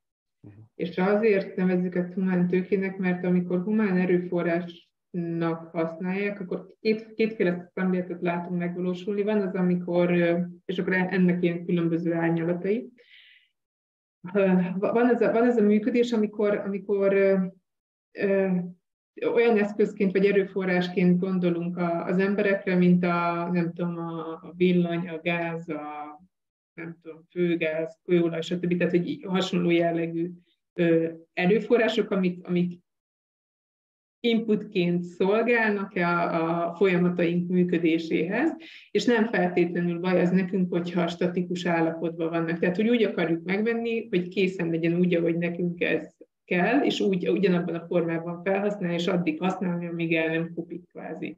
Tehát, hogy, hogy fejlesztést, potenciálmérést nem igazán teszünk mögé, nincsen hosszú távú tervünk, nem tudom, jövővíziónk a, a, ezzel az erőforrással kapcsolatban, tehát hogy honnan, hova szeretnénk eljutatni. míg a, a human tőke management, már a, hogyha ha a pénz tőke management metaforájára szeretnénk ültetni, vagy ezt a, ezt a metaforát szeretnénk használni, akkor, akkor azt rejti magában, hogy ez egy hosszú távon megtérülő befektetés. Tehát most veszem valamilyen értéken, valamilyen állapotba, és hogyha ezt jól hasznosítom, jól mozgatom, jól forgatom, jól fejlesztem, stb. stb., akkor egy sokkal értékesebb, magasabb értékű állapotba kerül az idő folyamán, mint amilyen a kvázi a bekerülési értéke volt. És ezzel nem gazdálkodnak jól a szervezetek, és, és ezt humán controlling szempontból nagyon szépen forintra le lehetne fordítani, hogy milyen veszteség az, amikor bekerül hozzánk valaki, és, és a fluktuáció miatt ki nem kényszerített elvándorlás van, tehát elmegy. Ahelyett, hogy a számunkra értékes erőforrásokat, tehát humán tőkét, megtérülő befektetést úgy forgatnánk, hogy, hogy, hogy az hosszú távon értéket teremtsen számunkra. És itt van a gondolkodásbeli különbség, hogy hogy, hogy lesz eszközből tényleg megtérülő befektetés azok az emberek, azok a kollégák, akikkel mi együtt dolgozunk. És, és ez a költséggondolkodás helyett sokkal inkább a, a befektetés gondolkodást hozza, mint előköve, előfeltételt vagy követelményt. És szerintem ott lehet egyébként nagyon érdekes módon megfogni, hogy ha, ha megnézzük azt, hogy, hogy általában hol indul egy, egy hárosztály, hogy van egy recruitment. És akkor ugye azt próbálják hogy minél többet csinálni, de nem nézik meg, hogy egyébként mondjuk az elvándorlásnak mi az oka. Tehát töltjük, töltjük, töltjük be az embereket tulajdonképpen egy üres zsákba, és a másik oldalon meg kifolynak. És akkor persze lehet hibáztatni a HR-t, hogy, hogy nem veszi föl a, a jó embereket, de az, hogy mitől mennek el az emberek, azzal meg nem nagyon foglalkoznak. És az, hogy ez tényleg a, a, egy, egy jó potenciáljú embert fölveszünk, és abban igenis időt, pénzt, energiát kell fektetni, hogy elérje ugye a teljesítő képességének a maximumát. De ezt próbálják megúszni a vezetők. Ő vagy kész embert akar, és akkor azt addig kizsákmányoljuk, ameddig lehet utána balra el, vagy egyébként meg nem foglalkoznak a tehetségekkel, és ő meg azt mondja, hogy hát akkor én inkább máshol folytatom a, a karrieremet. És főleg manapság, tehát ezeket a döntéseket nagyon-nagyon gyorsan meghozzák a fiatalok, talán túl hamar is, azért ez is egy érdekes tendencia, de, de hogy ők nem fogják azt megvárni, hogy majd a nem tudom, mint régen a szakszervezet majd kiáll értük, és akkor megvédi őket. A fenéket fogják magukat, és holnap már máshol dolgoznak. Tehát, hogy, hogy nem, nem, nem abba kéne fektetni az energiát, hogy még nagyobb recruitment csapatok legyenek, és akkor toborzás, kiválasztás, meg employer branding, meg csocsóasztal, meg anyámkínja, minden is van, ahelyett, hogy igazából a vezetőket kéne képessé tenni arra, hogy ezt jól csinálják, és meg tudják tartani az embereiket. Ennyire egyszerű lenne a mutatvány, mégis mindenki rengeteg energiát fetszel a kiválasztásba, meg a meg a recruitmentbe, de hogy a fejlesztésben meg sokkal kevesebb. építésbe.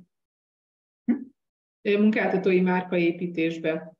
Tehát ugye ez, ez a tipikus, tehát hogy nagyon egyszerűen, nagyon, nagyon konkrét példát szeretnék arra hozni, vagy szeretnénk, hogy mi ez, amikor a tünetet kezeljük a, a gyökérok helyett, e, ez a munkáltatói márkaépítés és a fluktuáció kérdése meg esete. Mert, mert odaig még eljutnak, hogy, hogy mérik, hogy mi az oka, és akkor ott általában ugye exit interjú és a tünetekről beszélnek, de az, hogy a tüneteknek egyébként mi a gyökéroka, odáig már nem jutnak el, és odáig meg pláne nem, hogy a gyökérokokat kezeljék. Mert hogyha azt kezelnék, akkor nem a munkáltatói márkára költenének ö, sokkal többet. És ilyenkor egy nagyon egyszerű kérdéssel el lehet dönteni, hogy mi a, mi a kihívás a, a, a megtartás, tehát hogy, hogy a házon belül tartani a jó embereket, vagy az a kihívás, hogy egyébként folyamatosan növünk, vannak üres pozíciók, és az újonnan nyíló üres pozíciókba behozni az embereket. Mert hogy igen, a munkáltatói márkának is megvan a szerepe, meg a helye, de nem váltja ki a, a megint csak a vezetésbeli képességhiányokat.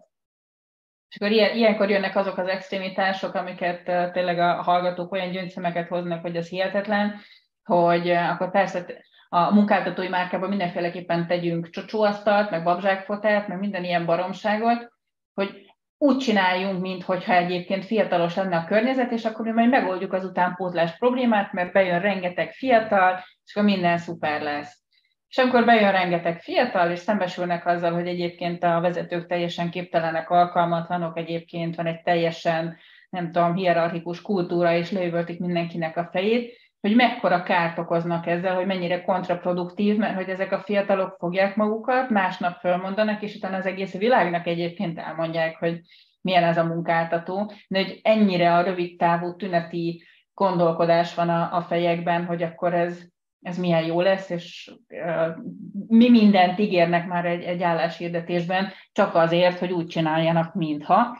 Holott, hogyha ezt a pénzt pont ugye a vezetők fejlesztésébe öntenék, akkor lehet, hogy megoldódna a probléma egy pillanat alatt. De a vezetők valószínűleg nem szeretnek azzal szembesülni, nekik kéne valami változtatni, mert sokkal jobb a hárt hibáztatni, hogy nem, a megint nem a megfelelő embereket vették föl. Igen, viszont csak basagok itt, itt magamba, mert tényleg ez, ez ilyen látszat dolgokkal, ilyen bendédekkel akarjuk úgy csinálni, hogy közben nem megint genetikához kell lemenni, hogy tényleg olyan a cégnek a genetikája, hogy ezt be tudja fogadni, vagy tényleg olyan lesz, mint a, amit említettek az elején, mint a Nestlé-nél, hogy elindítanak valamit, és akkor nagyon tetszik ez zárójelben megjegyzem, Salim Ismailnek ez az Exponential Organization-nek ő a szülőatja, és ő mondja azt, hogy jön a, a cégnek az immunrendszere, és meg, megtámadja az új dolgokat.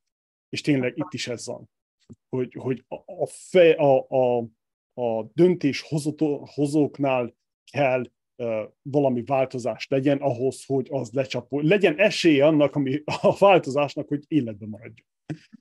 Ez a, ugye a, a Patri mondott ugye korábban, hogy az esetek nagy részében tényleg egy órás konzultációval elérhető lenne egyébként a változás, hogy a, igazából a vezető alkalmatlan is ki kéne cserélni, de adjunk neki egy esélyt, meg megpróbáljuk fejleszteni, csak hogy ez a, ez a felismerés, hogyha nem jön meg a vezetőkben, akkor, akkor nagyon nehéz. Tehát, hogy mi dolgozhatunk, nem tudom, évekig egy, egy szervezettel, semmi változás nem lesz, de hogy ez még izgalmasabb, amikor kívülről jön valaki, na hát ők se tudták megoldani, látjátok? Tehát akkor hogy várjátok, hogy mi megoldjuk? Tehát, hogy ez a hárítást toljuk kifelé, mindennel foglalkozunk, csak azzal nem, ami egyébként tényleg a, a valós probléma, úgyhogy ezt reméljük, hogy, a, hogy ebben lesz egy, egy felfutás az elkövetkezendő években, hogy egyre tudatosabb vezetők lesznek, akik ezt jól akarják csinálni, és hogy ez a, a piaci környezetben az, azok maradnak életben, akik tényleg életképesek, ez most csúnyán fog hangzani, de, de nem tartja fenn őket mesterségesen egy, egy mesterségesen kreált helyzet, körülmény, ökoszisztéma. Térjünk akkor kicsit még oda-vissza, hogy, hogy akkor maga ez a HR és például a kultúra, az hol választódik egymás, el egymástól? Persze most a szervezeti kultúráról beszélünk, hogy ez most egy és ugyanaz kéne legyen, vagy ideális esetben külön kéne őket választani, bár ez a asztal szerintem a kultúrának a része, de lehet, most tévedek. Nekem is ilyen, ilyen homályos ez az egész akármi, hiszen annyiféle fajta információ van. Ti hogy látjátok ezt? Erről nagyon egyértelmű elképzelésünk van, amivel szintén nem szoktunk népszerűek lenni.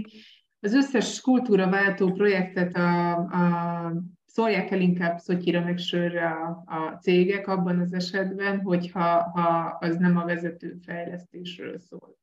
És azt azért mondjuk, mert hogy a, a, egy vállalaton belüli kultúra, az tulajdonképpen a vezetésnek, a menedzsmentnek a mindennapi cselekvései, kommunikációja, az, hogy ők hogyan működnek, annak a lecsapódása, a leképződése, hiszen ezek adják az értékeket, és ezek az értékek fognak tulajdonképpen az adott cég vagy szervezet csapat kultúrájával rögzülni hosszú távon.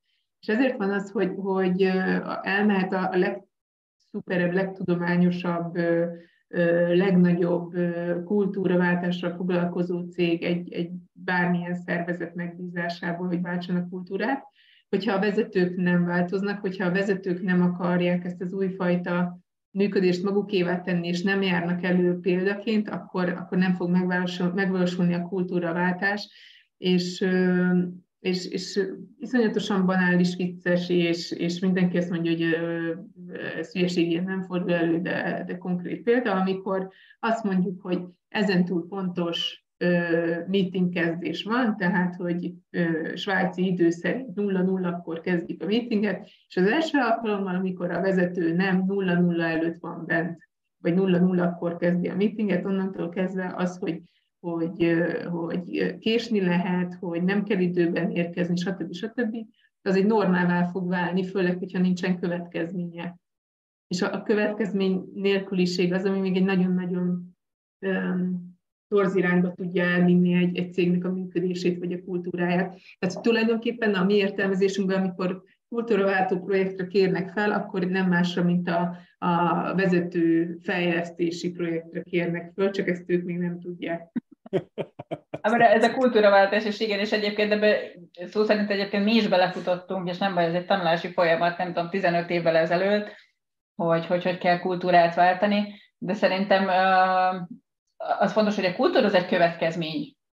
Tehát abban nem lehet direkten beavatkozni, ahova be tudsz avatkozni, a tényleg a, a vezetők, a struktúra, a folyamatok, és ennek lesz egyfajta cselekvése, és ebből lesz a, a kultúra. Tehát, tulajdonképpen egy végeredménye egy csomó tevékenységnek, de aktívan beavatkozni, amit a Paci is mondott, pont a vezetők viselkedésébe lehet, amit ők meghatároznak, irányokat, illetve az, ahogy ők viselkednek a mindennapokban, az lesz azonnal a mintázat, és ez tényleg minden egyes alkalommal elmondjuk, hogy aminek nincsen következménye, az az új norma.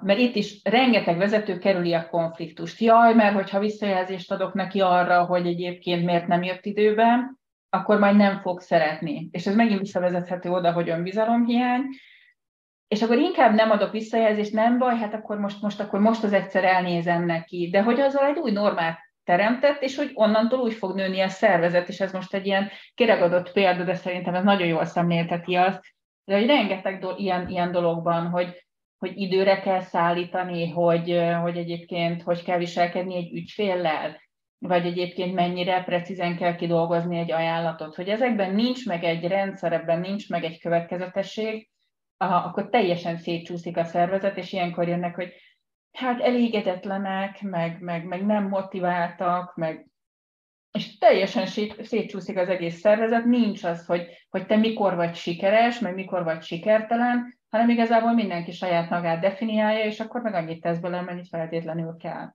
És hogy ebben, ebben van még a vezetőknek bőven mit tenni, és, és ezen dolgozni kell, hogy, hogy legyenek ebben következetesek, és ne tartsunk attól, hogy ha negatív visszajelzést adok valakinek, akkor már nem fog szeretni. De nagyon fog szeretni, hogyha ez abba az irányba vezet, hogy én is jól legyek, és a lehető legtöbbet hozzam ki magamból, és ezáltal az egész szervezet is. Hm. Egyébként a, pont a kisebb KKV-knál lehet ezt jól tetten érni a, a, kultúrát, hogyha, hogyha egy 40-50-60-70 fős, tehát hogy még viszonylag megfogható, jól körülhatárolható csapatméretről van szó, és, és van alkalmunk beszélgetni a, a, az ügyvezetővel, és az alapján megtapasztalni az ő működését, személyiségét, nem tudom, vezetői stílusát, stb. stb és utána megkérjük akár konkrétan pont ugyanezt a vezetőt, hogy írja le, hogy milyen most a csapat, a szervezet, hogy működik, akkor egymás mellé lehet tenni, és így lehet párosítani, mint a bingo játékban, hogy igen, tehát, hogy ahogyan működik a vezető, az a leképezése a csapat meg a szervezet működésnek is. Ugyanazok a, azok a nehézségek, kihívások, anomáliák, stb. lelhetőek fel a, a, a működésben. És, és itt van az, hogy nem lehet új csapatot ö, fejleszteni, hogy, hogy a, a, a vezető ezzel párhuzamosan ö, ne akarjon ő is fejlődni, vagy változni, hogyha szükséges. Igen, az amikor velünk akarják elvitatni a balét, hogy jó, hát ti, ti fejleszgessétek a csapatot, de én majd nem fogok ráérni, és erre mondtuk, hogy megvannak azok az előfeltételei, és ez, ezen is egyébként egy csomóan kiakadnak, amikor van egy ilyen előzetes ismerkedés, hogy akkor együtt fogunk-e dolgozni, mert ők keresnek hát tanácsadót, és mondjuk, hogy nekünk is vannak előfeltételeink, és így teljesen elborzadnak, hát, hogy ők adják a pénzt, mi meg a tanácsot. Igen, de hogy megvannak azok az előfeltételek, ami nélkül mi nem megyünk bele egy, egy ilyenbe, mert nem, nem lehet jól kijönni belőle. És az egyik ez pont tényleg, hogy hogyha nincs meg a felsővezetőnek az a valódi bájénye, hogy ő maga is beleáll és hajlandó változni, akkor arra meg bohosznak nem megyünk oda, hogy velük vitessék el a balhét, és akkor megmondják, hogy na hát látjátok, hát nekik sem sikerült, és akkor én mondtam, hogy nem kell itt semmilyen külső tanácsadó sem, tehát egyébként minden rendben van. Ezt szoktuk mondani, hogy akkor viszont sok sikert kívánunk, és, és hajrá, és akkor plusz meg hozzáteszem, hogy mi szóltunk. Igen, az, azért piszok nehéz az, hogy, hogy csak adni akarják a pénzt, ugye a kifogás, hogy, hogy jöjjön valaki és csináljon úgy, mintha csinálnánk valamit, és akkor azt mondani, hogy nem. Hát ez easy menni a köbön. De tényleg az, ez megint az alap elvek szabálya. Ez köthető oda-vissza, amit mondtunk az elején, hogy ugye a Giroszosnál az első, amit, amit, amivel megegyeztünk, hogy mik azok az értékek, amik mentén üzleti döntéseket fogunk hozni. És e, ez, ez egy tökéletes példája ennek, hogy az egyik érték, vagy alapelve, amit megegyeztünk, hogy, hogy csak szakmailag jó, fenntartható megoldásokat szállítunk. És ez a, a, a jó megoldásnak, a fenntartható megoldásnak az előfeltétele a vezetőnek a bájnje és ennélkül bábozni mehetnénk sok pénzért, és valószínűleg az üzleti eredményünk szempontjából egy sokkal szebb számot lehetne produkálni, vagy akár lehetett volna már az első évben is. Tehát igen, ilyen, ilyen szempontból kérdezhetik, hogy hát ezek nem normálisak a saját zsebük ellenségei, de ez, ez, az, a, ez az a momentum, ami, ami arra reflektál, hogy, hogy holnap is tükörbe tudunk-e nézni, vagy együtt tudunk-e élni azokkal a döntésekkel, vagy projektekkel, amik, amiken dolgozunk. Igen, éppen ez az. Ez éppen az. Na, igen, alapszabályok, ugye ha nincsen leírva, akkor nagyon könnyű megfeledkezni róla, meg kikerülni, meg izé, alapelvek, meg hasonlók, hogy mit akarunk, mit nem akarunk. Ja, igen. Oké. Okay. Mi a jó kultúrának a kulcsa? Céges vezető. kultúráról beszélünk természetesen. Jó vezető ezt, ezt szofisztikálhatjuk, de hogy ez, ez, ez ennyire egyszerű. És akkor persze kinek mi a jó kultúra, meg, meg valaki ezt szereti, meg, meg azt szereti, meg valaki ilyen környezetben, meg, meg kultúrában tud jobban kibontakozni. Tehát, hogyha ha valaki nagyon szereti ezt a, a katonás működést, és meg van mondva, és, és nagyon szabályozott környezet, akkor tényleg menjen a katonasághoz, vagy a, vagy a rendőrséghez, de hogyha ha egy másik típusú kultúrát szeret, akkor, akkor olyan környezetet válaszol, ahol, ahol ez megvan, de tényleg a vezető múlik. És annyit kötnék hozzá, hogy a, a jó vezetőnek a kontextusát pedig az üzleti kontextus, az üzleti környezet fogja adni. Tehát, hogy itt jön be, hogy a, erre nincsen egy ilyen ö, ö, általánosan elfogadott jó recept vagy válasz, mert hogy minden egyes üzleti környezethez, üzleti célhoz más kultúra, más vezetői stílus fog passzolni, és az is lehet, hogy ugyanannak a cégnek a, az életciklusában. Egy, egy bizonyos szakaszban fog működni az egyik, viszont egy bizonyos szakaszban meg egy másik fajta kell, és, és ott van a hiba, amikor ezt a, ezt a váltási pontot, ahol, ahol, ahol váltani kellene ebben a szemléletben, vagy vezetői stílusban, kultúrában, ezt nem teszik meg, és ugyanazzal a szemlélettel próbálják vezetni, ahova, ahova, ahova eljutottak, vagy ahogyan eddig eljutottak. A, ez tipikusan egyébként a, a, a startupoknál, még a generációváltó ö, családi vállalkozásoknál figyelhető meg, hogy, hogy egy bizonyos pontig az alapító, tehát mondjuk a startup alapító el tudja juttatni a céget, de egy, egy idő után saját maga lesz üzleti növekedés gátja, és, és rekeszti meg.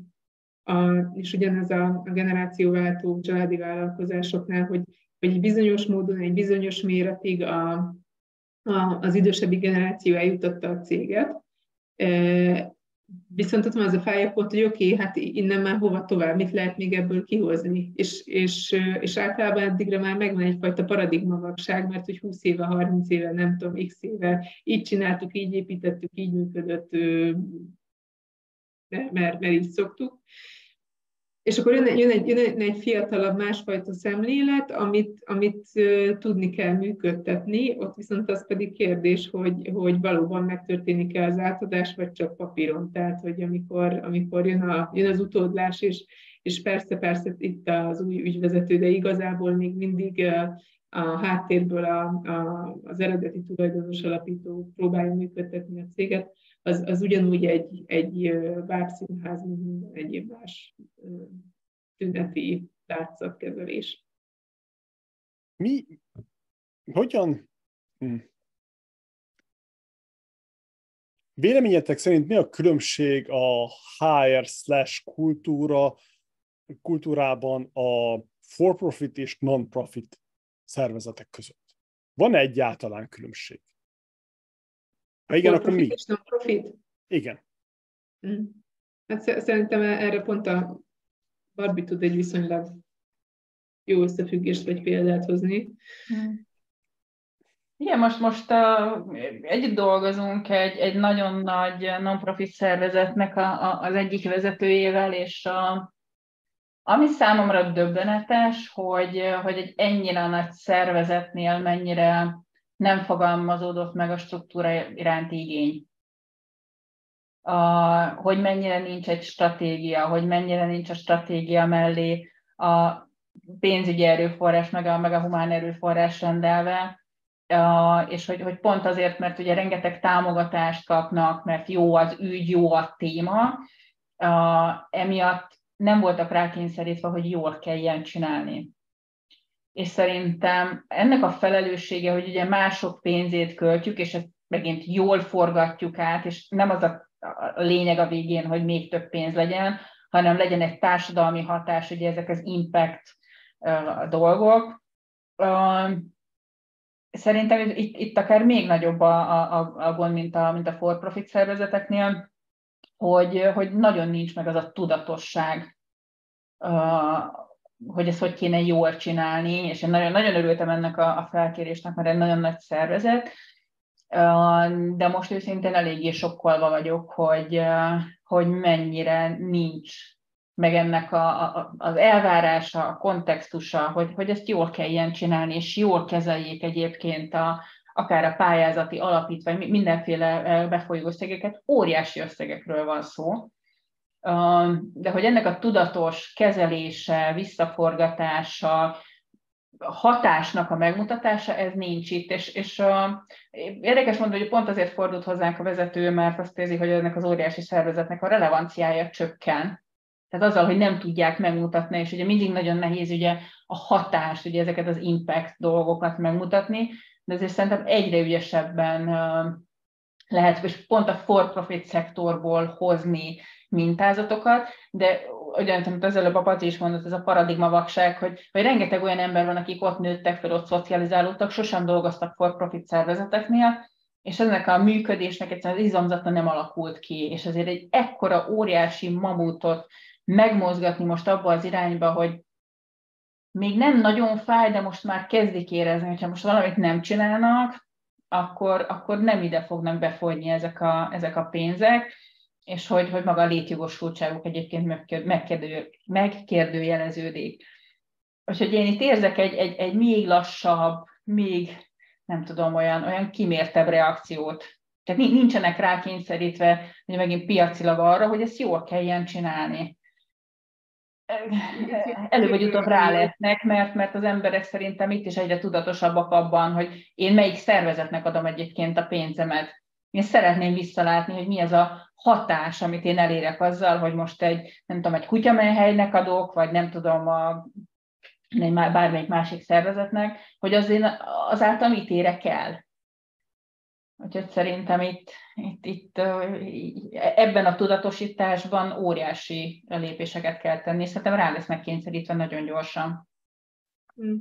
Itt jön, be az a gondolkodás, amit már említettünk, hogy, hogy általában a non-profit szervezetek valamilyen ügyet szolgálnak, és azok az emberek kerülnek be a non-profit szervezetekbe, akik, akik ezt az ügyet akarják szolgálni, ügyet szolgálni pedig pedig a legtöbbször vagy az elején nem, nem lehet for-profit módon, tehát hogy ebből a legtöbb ember megélni, megélni nem tud. És amikor organikusan elkezd szerveződni egy ügy köré, egy non-profit szervezet köré egy csapat, ők vagy másodállásban, vagy szívességből, vagy pro bono, vagy valamilyen, valamilyen módon kezdik el ezt csinálni, de hogy ez ugye nem fenntartható. És ez, ez a fajta rendeződés, ez az organikus rendeződés, hogyha nem vált át egy tudatos üzleties működésbe, akkor történik meg az, amit a, amit a Barbie is most elmesélt példaként, hogy, hogy, hogy nincsenek rákényszerítve arra, hogy ezt üzletileg, vagy, a, vagy az általános üzleti szempontok alapján is jól kell tudni csinálni.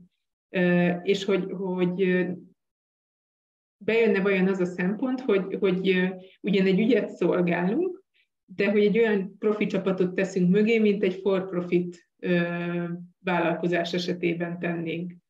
És, és ugye ez, ez valószínűleg onnan indul, mondom még egyszer, hogy ahogyan ezek a kezdeményezések az ügyköré rendeződő emberekből kifejlődnek, de hogy, hogy ezt, ezt egy idő után ugyanúgy, mint a startupok esetében egyre ügyesebben, okosabban, szervezettebben kell tudni menedzselni. Tehát, hogy ez egy ugyanolyan menedzsment tevékenység, csak pénzügyi szempontból másképpen számolódnak el bizonyos dolgok.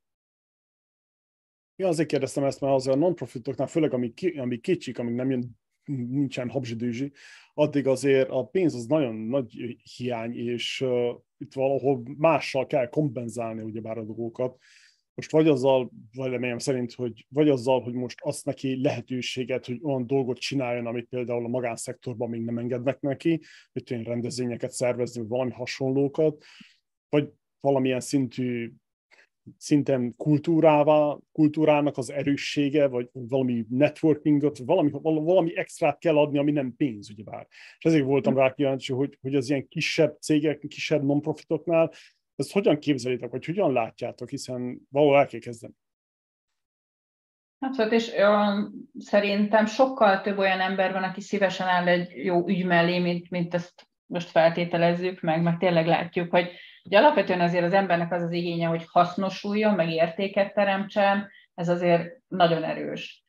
És szerintem pont azok, akik túl sokáig maradnak mondjuk multi környezetben, és önmagának sem meri bevallani, hogy azért az értékteremtés az nem feltétlenül a legnagyobb ott, ahol, ahol van. Őket nagyon könnyű egyébként megszólítani, hogy álljanak egy ügy mellé, akár anyagilag is egyébként, vagy a, vagy a saját tudásukkal, hálózatukkal, bármilyen hozzáadott értékkel, mert végre azt érzi, hogy értéket teremt, hasznosul, mint ember, és ezt tényleg én is most, most kezdem igazán megérezni, hogy most már nem tudom, négy éve nem vagyunk multi környezetben, hogy, hogy, hogy milyen az a hatás, amikor tényleg tudsz segíteni érezhető az, hogy, hogyha valakinek segítesz, akkor annak megváltozik az élete.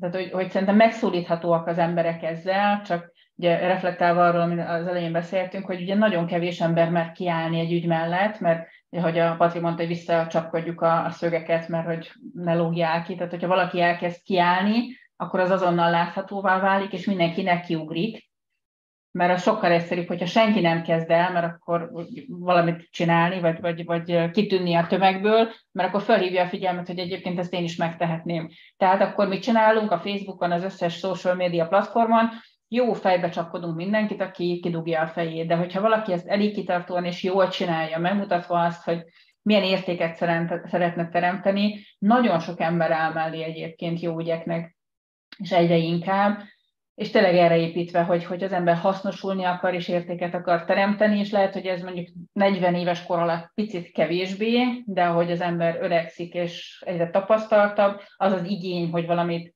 teremtsen, valamit hagyjon maga után, meg, meg valami, valami kézzelfogható, nem tudom, dolgot tesz le az asztalra, szerintem ez egyre erősen. Úgyhogy én erre bátorítanám azokat, akik most kezdenek egy ilyen típusú vállalkozást, akár a non-profit szektorban, hogy szólítsanak meg az ügy mellé olyan embereket, akik hasonló területen gondolkoznak azonos értékek mentén. Azt javasolnám, hozzá most ez a, az a gondolat jutott eszembe, viszont ahhoz, hogy ez fenntarthatóan tudja az ügyét szolgálni, az nagyon fontos, hogy jól tudja menedzselni. És a jó menedzsmentnek a feladata az, hogy pénzügyileg és fenntarthatóvá kell tennie, és pontosan azért, hogy, le, hogy lehessen még több olyan ember, aki az ügyet, ügyet szolgálja, mert hogy, hogy általában a, a legtöbb ember nem, a, nem, tehát hogy, hogy nem ez a fő tevékenysége, hanem, hanem organikusan a főállása mellett, vagy vállalkozása mellett segít, vagy kezd, vagy áll valami mellé és hogy, hogy itt van ez, a, itt is ebben is ez a tyúkövét hogy ahhoz, hogy azt akarjuk, hogy az ügyünk az fenntartható legyen, az pénzügyileg is fenntarthatóvá kell tenni, hogy, hogy olyan, olyan csapatot tudjunk építeni, meg megfizetni, meg fenntartani, aki, aki képes arra, hogy ez tényleg egy fenntartható irányba, irányba működjön. Mert hogyha ha csak ebben az organikusban hagyjuk, akkor ez egy, ez egy ügyköré szerveződő laza közösség vagy szövetség lesz, de, de semmiképpen sem egy, egy jól menedzselt, szervezett tevékenység, ami, aminek utána hosszú távú hatással is tud lenni. A kettőnek így kéz a kézben kell járnia valószínűleg, hogy, hogy tényleg hosszú távon hatásra is eredménye legyen. Hmm. Szóval, hogy a, a nekem ez jött le, hogy non-profitoknak még jobban oda kell figyelni a, az ilyen dolgokra, az ilyen szerkezeti, stratégiai, alapszabályzat, alap, alap elvek kidolgozásán. Abszolút, mert rövid távon meg lehet győzni egy pár embert, és lehet, hogy, hogy kapnak is támogatást, de az, hogy ez folyamatosan fenntartható módon érkezzen, ahhoz meg fel kell mutatni az eredményeket, és tényleg ezek a, a hatás, impact dolgok a legnehezebben kimutathatóak, de hogy ezt meg, meg kell tudni csinálni. Tehát eredményeket kell még akkor is produkálni, hogyha, hogyha non-profit szektorról van szó, és szerintem ez, amit alulbecsülnek, hogy hát nekünk nem kell. Ez az, ez az. Ez az, hogy hát mi, mi non-profitok vagyunk, bocsi. Aha, meg mi nem kell jól működni, mert mi non-profitok. Ez nem, nem felmentés, hogy jól kell ilyen csinálni, hanem egyszerűen egy, egy üzleti modell, amit meg fel kell fogadni, hogy így működik. Igen, igen. Jó ez. Oké, okay, térjünk kicsit az általánosabb kérdésekre, hogy véleményetek, tapasztalatok szerint milyen nehézségekkel néznek szembe a mai vállalkozók? Ugyebár volt egy Covid, utána infláció, most háborúk, hogy látjátok kicsi Magyarországról, hogy ez, ez, ez hogy néz ki? Hát most, most a, a legaktuálisabb, és hogyha a, nem tudom, vállalkozó ismerősökkel beszélünk, akkor 10-ből 10 vagy 10-ből 9, vagy ilyen nagyon nagy arány azt mondja, hogy, hogy most az infláció miatti ö, ö, likviditási ö, problémák, vagy megélhetési problémák, tehát nagyon, nagyon sok KKV csúszik a, annak a, a, a küszöbére, hogy vagy be kell fejezniük a tevékenységet, vagy ott billegnek kvázi élethalál között. És ez most így a, ez most így a magyar piac. A, a másik például nagyon, tehát hogy mostanában több webshopos ismerősömmel beszélgettem, akik azt mondták, hogy olyan szinten esett vissza a webshop forgalom, hogy, hogy azon gondolkoznak, hogy megérik-e, megéri-e nekik fenntartani a továbbiakban. Minden mellett például vállalkozói csoportokban látok webshop eladási szándékkal vállalkozókat, hogy felkínálják eladásra a felépített cégüket, mert hogy, hogy nem, nem éri meg jelen állapotban fenntartaniuk. Szóval egyrészt most mindenképpen van egy általános pénzügyi nehézség, amiről saját maguk is biztosan tudnak erről, és fognak is nyilatkozni. Másik oldalról meg, meg hogyha már a mi szakmánk szögéből közelítjük, amit eddig említettünk, tehát hogy az a, az, a, az a kihívás, hogy hogy nem lesznek a vállalkozók saját maguk a gátjai a fejlődésnek, a saját cégük fejlődésének. Tehát, hogy hogyan fog a képességük az ambíciójukkal találkozni, és, és hogyan tudnak felnőni a, a üzleti eredmények következő szintjéhez vezetőként. Ja, azt látjuk, hogy hát már maga a Covid is egyébként eléggé megrengette ugye a vezetőknek a amúgy sem meglévő önbizalmát, plusz utána a háború. Ugye természetesen ilyenkor az embereknek az a reakciója, hogy visszamennek az utolsó olyan helyzetbe, ahol még biztonságban voltak és akkor ez lehet egy, egy alkalmazotti lét, vagy nem tudom, körbebástyázza magát mindennel. Ugye az a természetes reakció, hogy akkor így rövid távon, üs vagy fuss üzemmódban valami, valami tüneti kezelést gyorsan csinálunk, és csak ne próbálkozzunk. És, és pont ugye ilyenkor, ami teljesen ellene megy ugye az ember működésének, ilyenkor kell elkezdeni pont, hogy stratégiában gondolkozni, és szenáriókat alkotni, hogy ha ez van, akkor ezt csináljuk, de pont azért, mert mert ilyen a gazdasági helyzet, meg, meg a körülmények, emiatt mindenki bezárkózik, és, és tüneti kezel.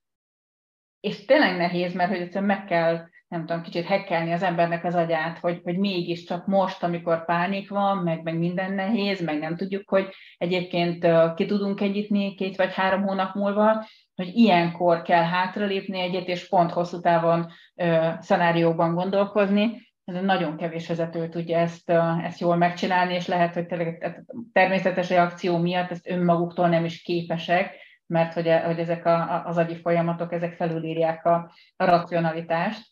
Úgyhogy ebben kell ilyenkor nekik segíteni, hogy még akkor is, ha nagyon nehéz, és tényleg a mindennapokért küzdötök, de hát ő nem, nem ér rá stratégiai workshopot csinálni, mert egyébként meg el kell adni, de mondom, és hogy erre szoktuk mondani, hogy hogyha a foci meccsen ugye kikötődik az embernek a cipőfűzője, még akkor is, hogyha lehet, hogy közben, nem tudom, kap egy gólt, akkor is érdemes lehajolni, megkötni a cipőfűzőt, és utána lehet, hogy sokkal nagyobb teljesítményt tud, tud nyújtani. Úgyhogy a vezetőknek is ezt mondjuk, hogy mindemellett, hogy tudjuk, hogy nehéz, és meg kell oldani a mát, muszáj időt szánni arra, hogy egyet hátralépjenek, és gondolkozzanak stratégiában, és gondolkozzanak szenáriókban, legyenek alternatív megoldások, és akkor amikor ezt megcsinálják, és elhiszik, hogy hú, akkor viszont sokkal gyorsabban tudunk majd, mert most ez történt, akkor tudjuk, hogy ezt fogjuk csinálni, akkor már nagyon hálásak, de ameddig kirángatjuk őket abból, hogy hú, hát hogy nekem nincs időm a stratégiai workshopra, az, az fájdalmas tud lenni. Igen, ez egy alapelvem, hogy, hogy hol dolgozol a cégedben, vagy a cégedben. És ez nagyon ez hatalmas különbség. Amikor a vállalkozásodat építed, hogy bent dolgozol a vállalkozásban, és valamit csinálsz. Szóval ezek ilyen Igen. alapelvek. Milyen tanácsokat adnátok egy kezdő vállalkozónak? Mikor kell egy ilyen hr leülni, beszélgetni? Hány személyről van szó például, vagy startupoknak, hogy hol lehet ez, hol kéne ezt elkezdeni? Már második személynél, vagy tizenkettediknél, vagy hogy látjátok? Hogy attól függ? Ja, attól, attól függ, és ezt a választ ezt nagyon szokták szeretni, mert jó kézzel fogható. De hogy, hogy tudjunk konkrét példát mondani, mondjuk egy olyan, olyan vállalkozás esetében, ahol vannak társalapítók vagy társtulajdonosok, ott már, ott már nem biztos, hogy a HR segítséget kell kérni, de vannak olyan témák, amik, amik így a humán faktorhoz, vagy a humán tőkéhez kötődnek, és meg kell beszélni. Ilyen például ezek az alapértékek, amikről beszélgettünk, és azért nagyon fontos, mert Számos esetben találkozunk azzal, hogy a, a tulajdonos társak már x éve működő, prosperáló céget vezetve fordulnak hozzánk, hogy nem jutnak egyről a keltőre bizonyos témákban, nem tudnak továbbfejlődni, stb. stb. És hosszas beszélgetések után kiderül, hogy, hogy ennek a gyökéroka az az, hogy a legelején ezeket az alapértékeket, és az, hogy kinek mi az egyéni missziója ebben az egész vállalkozás építésben, amiben közösen ülnek, nem, nem lett kitéve az elején, és az történik, hogy bizonyos döntési pontoknál van, vannak olyan rejtett egyéni forgatókönyvek, amiről nem tud a másik, és ők sem kommunikálnak tudatosan. És, és az, hogy, hogy jobbra vagy balra menjünk, ezt az egyéni preferenciák alapján próbálják meghozni. Tehát, hogy hogy a, például az a gondolkodás, hogy az egyik egy lifestyle vállalkozásban gondolkodik, és azt szeretne építeni, tehát hogy egy munkahelyet teremteni saját magának, meg az embereknek, a másik meg a következő Steve Jobs akar lenni, aki nem tudom, milliárd dolláros cég, és vagy exitelni akar x időn belül. És, és hogyha már csak ezt a két gondolkodást egymás mellé tesszük, akkor belátjuk azt, hogy döntéseknél már abban különbség van, hogy oké, okay, mennyire vállalunk kockázatot, milyen tempóban akarunk haladni, befektetés vagy költség mindsetet követünk, stb. stb. És hogy ezeket nem beszélik meg, hogy igazából ez van mögötte, hogy én izét akarok építeni egy, egy, egy gyorsan növekvő eladható céget, vagy én egyébként innen akarok nyugdíjba menni, és úgy építkezzünk, hogy ez fenntartható, biztonságos, egy lassabb működés, de 50 éven keresztül megélhetést fog biztosítani. És, és alapdolgokban nem tudnak megegyezni ilyenkor, és, és nem a valós problémáról beszélnek, hanem arról, arról a döntési pontról beszélnek, amiben éppen vannak, hogy vonjunk be tőkét, ne vonjunk be tőkét. Ha bevonunk tőkét, az milyen formában? Kockázati tőkét vonjunk be, vagy bankhoz forduljunk, stb. stb. Szóval, hogy, hogy és hogyha ezeket kitisztázzák a háttérben, akkor, akkor már sokkal könnyebb döntést hozni. Volt olyan vállalkozás, akik a, akik ezt megtették, és az elején beszélgettünk erről, és a következő alkalommal azzal jöttek, hogy akkor nekik akkor elválik az útjuk, mert nem egy, az elképzelésük arról, hogy hogyan kellene vállalkozást építeni. És jó, hogy az elején jött ki, nem tudom, egy fél év után, egy év után, és nem akkor, amikor már öt éve végig izzadták, küzdötték az egészet, és, és azért nem tudtak haladni, mert igazából alapvetésekben nem értenek egyet, hogy hogyan, hogyan szeretnének vállalkozni. A, hogyha csapat szempontból akarjuk megfogni, és egyel konkrétabbat mondani, akkor általában 8-12-15 főig még viszonylag jól elketyegnek minimális vezetői affinitással is csapatok.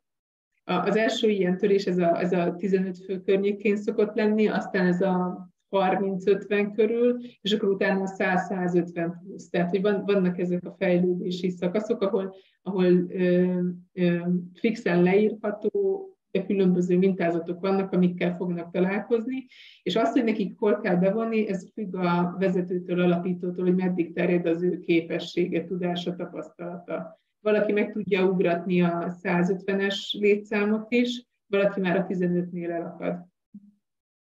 Én, én behoznék még egy, talán egy mínusz egyedik szempontot, hogy egyáltalán az illető alkalmas a vállalkozónak, vagy nem. Ugye ez a, tényleg, hogyha multi környezetben szocializálódik valaki, és nem tudom, akkor milyen jól hangzik, hogy, hogy akkor 40 pluszosan akkor irány a vállalkozás. Nem mindenkinek való a vállalkozás, és, és szerintem sok kudarctól meg lehet óvni az embereket, és nem baj, hogyha az emberek nem jól sikerül, de mondjuk, hogyha az egész, nem tudom, a, a családnak a működését arra alapozza, hogy akkor most hirtelen akkor én vállalkozó leszek, nem mindenkinek való. És, és ugye ez az én, én nünükém, amit, amit azért elég hangosan tolunk, hogy, hogy, hogy egy tudatos karrierváltás, az szóljon arról, hogy én ismerem magam, magamat, és tudom, hogy miben vagyok jó, és hogy egyáltalán alkalmas vagyok-e vállalkozónak, vagy milyen típusú vállalkozónak vagyok alkalmas. És akkor utána el lehet indítani, és akkor utána már tényleg, amiket a Patri mondott, az teljesen jó, hogy, hogy utána tovább lehet vinni, de hogyha ha valaki nem alkalmas vállalkozónak, és elege van a multiból, rengeteg alternatíva van, de hogy például ebben sem jelenik meg a tudatosság, hogy én milyen karriert szeretnék magamnak, és ugye saját koromból adódóan is azért a 40 pluszos karrierváltók hát jó sok utaságot csinálnak, és hogy ebben az, hogy ő, ő mit váltson, hova váltson, mit csináljon, milyen értéket teremtsen, lehet, hogy onnan már nem a, a pénz, meg a hatalom, meg a nem tudom, pozíció, hanem pont amiről az előbb beszélgettünk, hogy milyen értéket tud teremteni, mit tud visszaadni a társadalomnak, azt milyen formában tudja visszaadni. Hogy ezekben szerintem a tudatosítás is még egy nagy kihívás az elkövetkezendő évekre.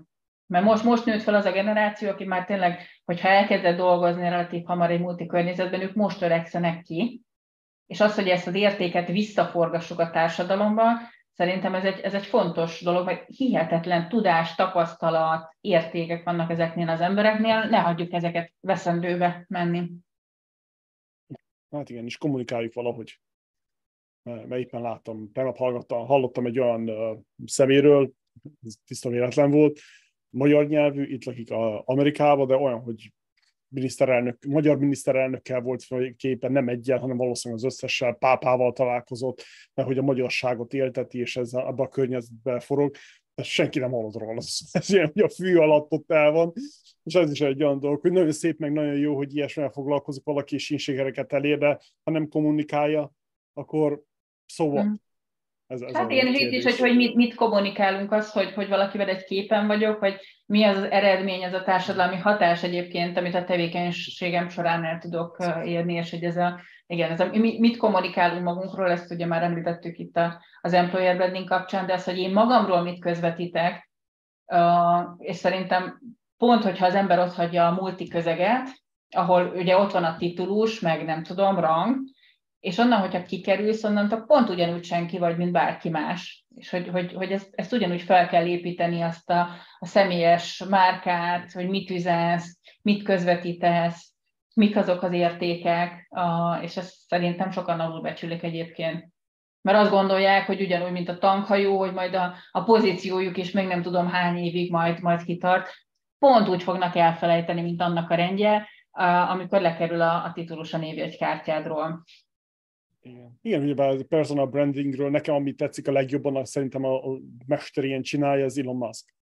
bár, hogy ő nem CEO, ő csak befektető most már, meg alapító, hmm. de mégis úgy kezeli a dolgokat, meg ott van az újságcikkekben, és mindig von valami extrémet, amire mindenki, mindenki azt mondja, hogy ha a hülyeség, azt egy-két évben hmm. belül kiderül, hogy nem is volt az akkora hülyeség, de mégis olyan jól kezeli ezt, annyira jól élvezetes látni, hogy egyesek mennyire jól hmm mesteri, mesterivé váltak. Hát, hogyha, hogyha ilyen, ez sem megy át abba az irányba, hogy, hogy, hogy ilyen felszínes dolgokat, és majd nem tudom, úgy csinálunk, mintha, és ugye erre, erre van egy kedvenc mondásunk, vagy, vagy ugye helyzet, ugye rengeteg ugye startup verseny van folyamatosan, és akkor járkálnak az emberek, és akkor egyik nap valaki megnyeri a nem tudom milyen rangos startup versenyt, és két hónap múlva meg csődbe megy.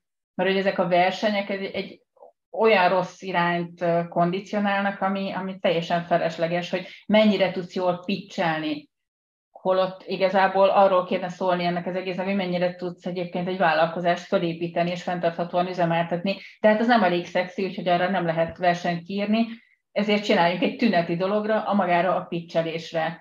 És akkor ez nekem ilyen kicsit ilyen diszonás, hogy akkor egyszer megnyerem, és utána meg csődbe megyek.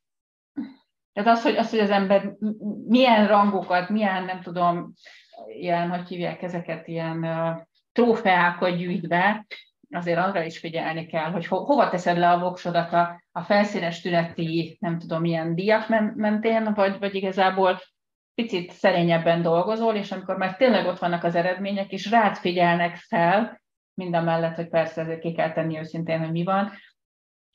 Szerintem az a fenntartható megoldás, de ebbe lehet, hogy megint egyediek vagyunk. Nekem is úgy tűnik innen a világ végéről, hogy, hogy valahogy Európában ez a, ez a versenyek, meg a pályázatok erről szól az egész startup. hát és ez nem az a piaci működés, ami, ami kéne, ezt azért lássuk be, hogy ne, nincsenek rá kényszerítve, hogy jól kelljen csinálni. Túl sok pénz van, túl sok EU-s pénz van, túl sok állami pénz van, és nem jó irányba kondicionálják ezek a szisztémát. Ez egy, ez egy nagyon fájó pontunk. Igen, igen. Ha ma itt tartunk, mi a tervetek a jövőre nézve? Hol látjátok magatokat 5-10, akár 25 év múlva? Egyéni tervünk, vagy a, vagy a céges egyéni misszió, vagy a céges vízió? Kérdés. Is is. Hm. Ja, igen, azért nagy csend, mert most a céges vízió kapcsán, hogy így a, a bemutatkozásban is elkezdtük, van egy irányaiban nem változott, talán meg, megvalósításban, vagy, vagy csatorna, vagy nem is tudom, hogy fogalmazzam, szempontból formálódott egy kicsit az, hogy, hogy mivel foglalkozunk, vagy mit csinálunk. Ugye az alapvető mondásunk, hogy, hogy abban segítjük az ügyfeleinket, hogy a, a cégértéket növelünk a, a humán tőke megfelelő fejlesztése, értékelése által, és, és ennek van egy előfeltétele, amit, amit megtapasztaltunk így az évek során, hogy mégpedig az, amiről most itt az elmúlt két órában hosszasan beszélgettünk, hogy, hogy legyen egy olyan HR szakmaiság, ami ezt képessé teszi. Amiről beszéltünk, hogy ez akkor lesz fenntartható, hogyha hogyha, hogyha ez egy ügy, és, és kvázi tömegek állnak mögé, tehát hogy két fecske nem csinál nyarat e, ilyen szempontból, és ezért is van az többek között, hogy e, szokták mindig kérdezni, hogy, hogy, hogy jó, jó, de e, minek, minek tanítasz, tehát hogy más tanácsadó cégek vezetőivel, amikor beszélgetünk. Minek tanítasz, tök felesleges, tehát hogy, hogy ez a elszállt szó, telik az idő, nincsen semmi hatása, stb. stb. És, és akkor van, van az a matematikai egyenlet, hogyha minden nap csak 0,001 ezrednyi lépést teszel, vagy változás hozol, hogyha azt összeadod, akkor az milyen változást generál. És hogy, hogy ha azt tudom mondani, hogy egy évben van, nem tudom, 140 hallgatunk. Ha 140-nek csak a 10%-a, de tényleg a töredéke, minimális töredéke fogékony erre a gondolkodásra, és úgy lép ki HR tanácsadói papírral a kezében, hogy hogy elültetődik ez a gondolkodás, és ebben a szellemiségben ő is utána így képviseli a, a HR szakmát, akkor azt tudjuk mondani, hogy mi már a, a magunkét kvázi hozzáadtuk, de hogy, hogy e, ehhez az ügyhöz ö, rendezzük a tevékenységeket, meg, meg keressük a erre fogékony partnereket, embereket, ügyfeleket, tanácsadókat is. Tehát, hogy, hogy ügy, szinten ez, ez az, ami, ami, ami egy kicsit így át formálódott az elmúlt idő alatt. Biztos, hogy nem leszünk egy, egy mamut szervezet, valószínűleg egy butik cég maradunk, egy pár nagyon tehetséges kollégával kiegészülve, viszont egy óriási networköt mozgatva.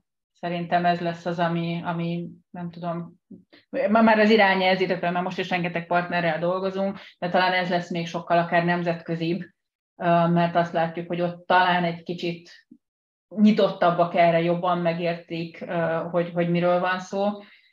Úgyhogy, úgyhogy én látok egy ilyen nemzetközi esedést ebben a, ebben a dologban, de pont ezért nagyon nehéz megjósolni, hogy ezt a hálózatot milyen gyorsan tudjuk kiépíteni, és hogyan tudjuk bemozgatni, és ehhez kellenek partnerek a másik oldalról is, mert az nem elég, hogy mi hívunk be mindig partnereket, hogy most akkor az ügyön dolgozzunk, hanem, hanem azt elérni, hogy ők is behívjanak minket és hogy ennek még a hozzáállás itt Magyarországon nem annyira, tehát mindenki magának akar mindent, és hogy emiatt egy picit nehezebben épül ez a hálózat, mint szeretnénk.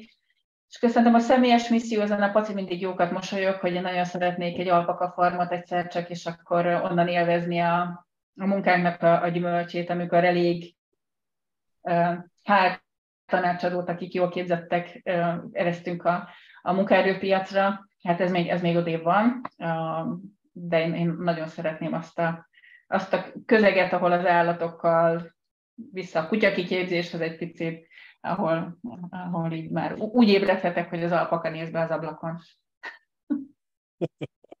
Vaj, feelingje. Kutyákat el tudom képzelni. Kutyákat még el tudom képzelni, de az a többit... Nem személyes missziót, mert most egy ilyet, hogy én meg egy, nem tudom, kutyafarmot szeretnék, vagy ilyesmit nem tudok mondani, nekem, nekem, nekem sokkal egyszerűbb, meg általános misszióm van a, a, a, a mai fejemmel, ami, ami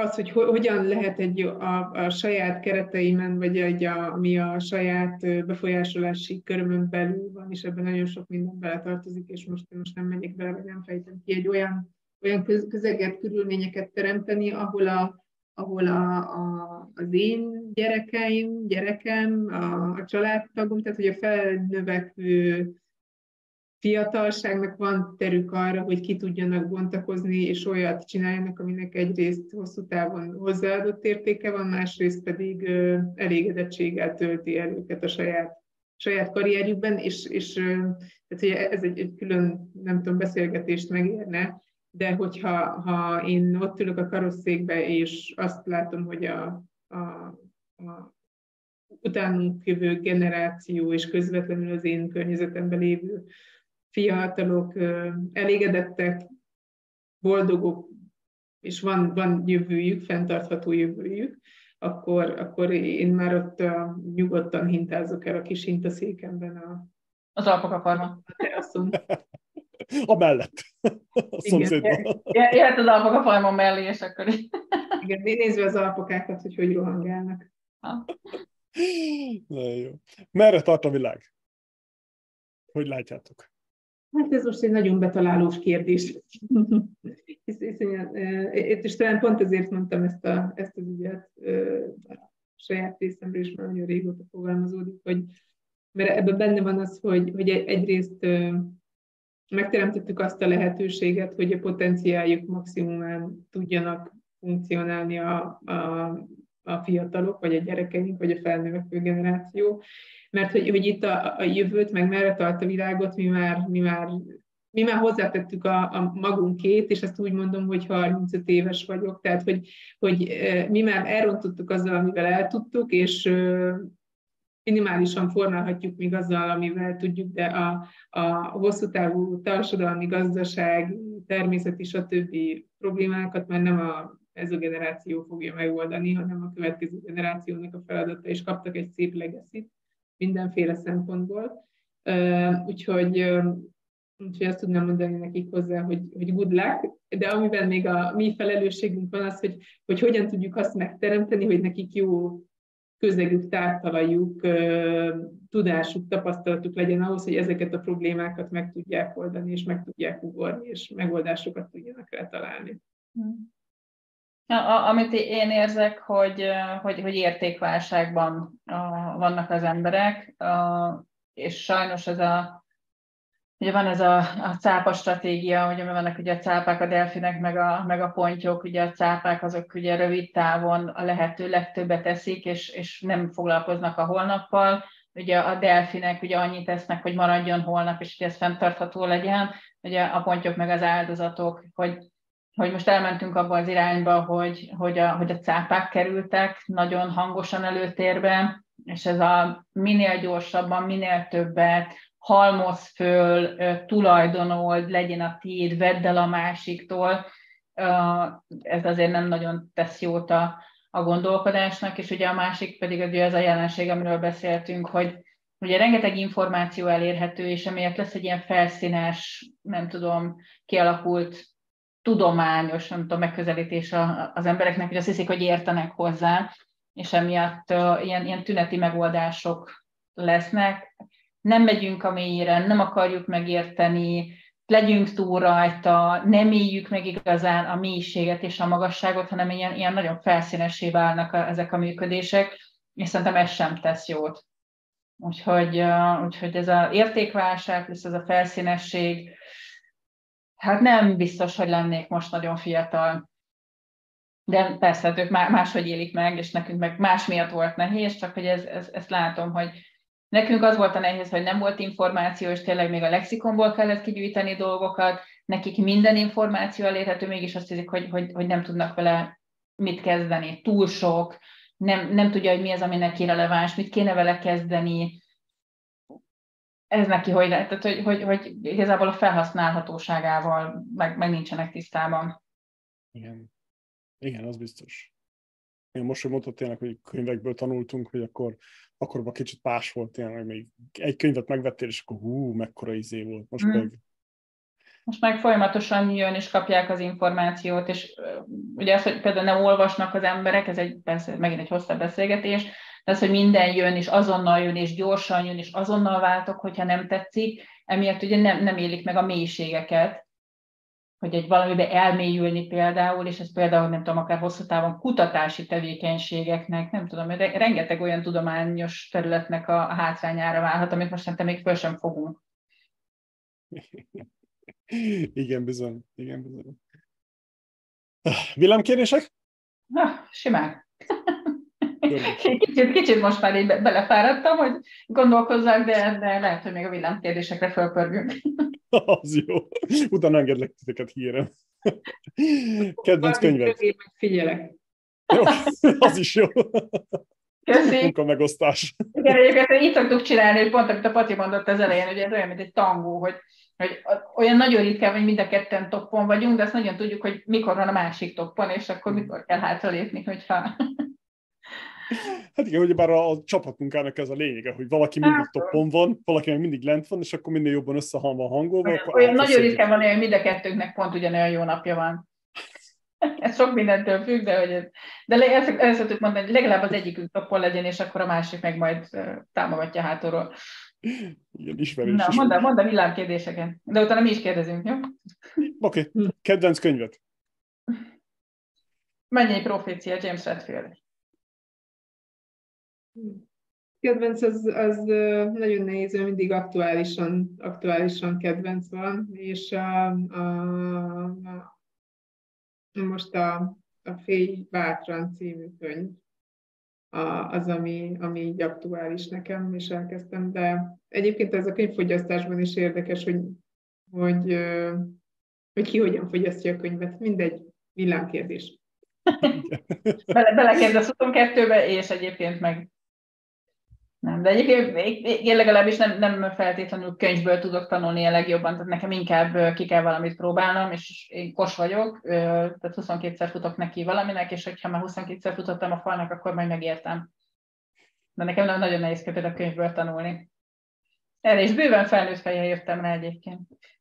Igen, megint oktatásrendszer. Minden arról szól, hogy, hogy tanuljál, magoljál, de arról nem, hogy megismerd önmagadat. Hát, ez... Igen. Szóval, Melyik könyv volt a legnagyobb benyomása rád, mint vállalkozó? Az élet. Én is ezt akartam mondani, nincs olyan könyv, amiből tanultunk, de szerintem a 22. pofon. Igen. Az életkönyvet, tehát az élet, és amit mindig hozzáolvasunk aktuálisan. Ezért mondtam, hogy én, én mindig valami gyakorlati dologhoz kötöm az aktuális könyvélményemet, és ezért nincsen kedvenc. Tehát, hogy mindig az a kedvenc, ami az aktuális problémámhoz kapcsolódik. Igen, igen. Igen, ezért ilyen egyszerűek és mégis érdekesek ezek a kérdések. Melyik bizonyos könyv segített a legjobban a vállalkozásod építésében? Hát Ugyanez. kérdésekben nem mi leszünk a leg... a végére, végére kiderül, hogy egyébként nem tudunk olvasni, és, és ez, a, ez, a, ez a probléma.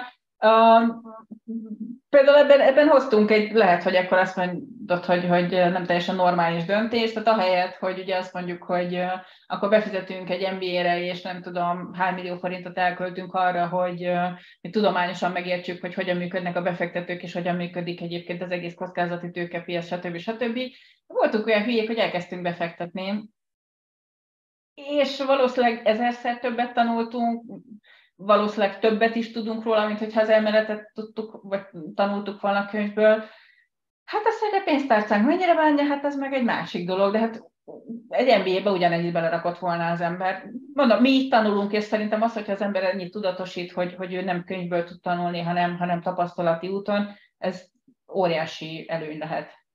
Ezt az egyetemi hallgatóknak is mindig elmondom, hogy, hogy, hogy, hogy nem én leszek a két lábon járó könyvtár, én, én a tapasztalati úton, a gyakorlatban tanultam meg a modelleket, és most hozzá tudom mondani, hogy egyébként az melyik modell, tehát hogy így utólag hozzápárosítva a tudományos szakkifejezést, meg indoklást, meg nem tudom micsodát. Nagyon jó. Kedvenc podcast. Nem, ne legyen több könyves kérdés, mert tényleg... Nem, nem, mennyi volt, mennyi volt, mennyi volt. Most podcastes kérdés következik, ha hallgató podcastet, ha nem, akkor skipeljük. Én nem, de Paci, te? Én hallgatok a podcastet, és azzal, hogyha ha Magyarországon letesszük a voksunkat, hogy milyen podcastet hallgatunk, azzal sok minden más mellé is letesszük a voksunkat, hogy, hogy milyen irányban gondolkodunk, de egyébként a, a Friderikus podcasteket szeretem nagyon. Uh-huh. Esetleg valami Business Code podcast? Uh, Business podcastban nem tudok mondani. Semmi baj. Na, Mit hallgatsz? mit hallgatsz, olvasom, nézel most, hogy általában mit fogyasztasz? Hát, megint lehet, hogy teljesen hülyének fogsz nézni, de én mindenféle olyan detektíves történetet, ahol pont ez a, a rendszer szemlélet, ahol ugye anomáliák alapján kutatják, hogy, hogy mi történik, én ilyen, ilyen heavy user vagyok, ilyen uh, detektíves uh, sztorikból, úgyhogy lehet, hogy ez nem elég trendi, de hogy egy kalambóval engem még mindig el lehet varázsolni. Igen, a, most jött ki a moziba a legújabb Poáró Magyarországon, a legújabb Poáró film, és a, többen voltunk barátok, és azzal játszottunk, hogy az ötödik percben mindenkinek le kell tenni a voksát, hogy ki lesz a gyilkos és, és tehát ez tipikusan a, a kedvemre való. A, nem kell mondanom, hogy aznap állták a, a enni inni valómat, mert hogy én, én, találtam el. De hogy, hogy, tehát, hogy, hogy igen, ezek a megfejtős dolgok, ezek, ezek, ezek ilyen közös mintázatok.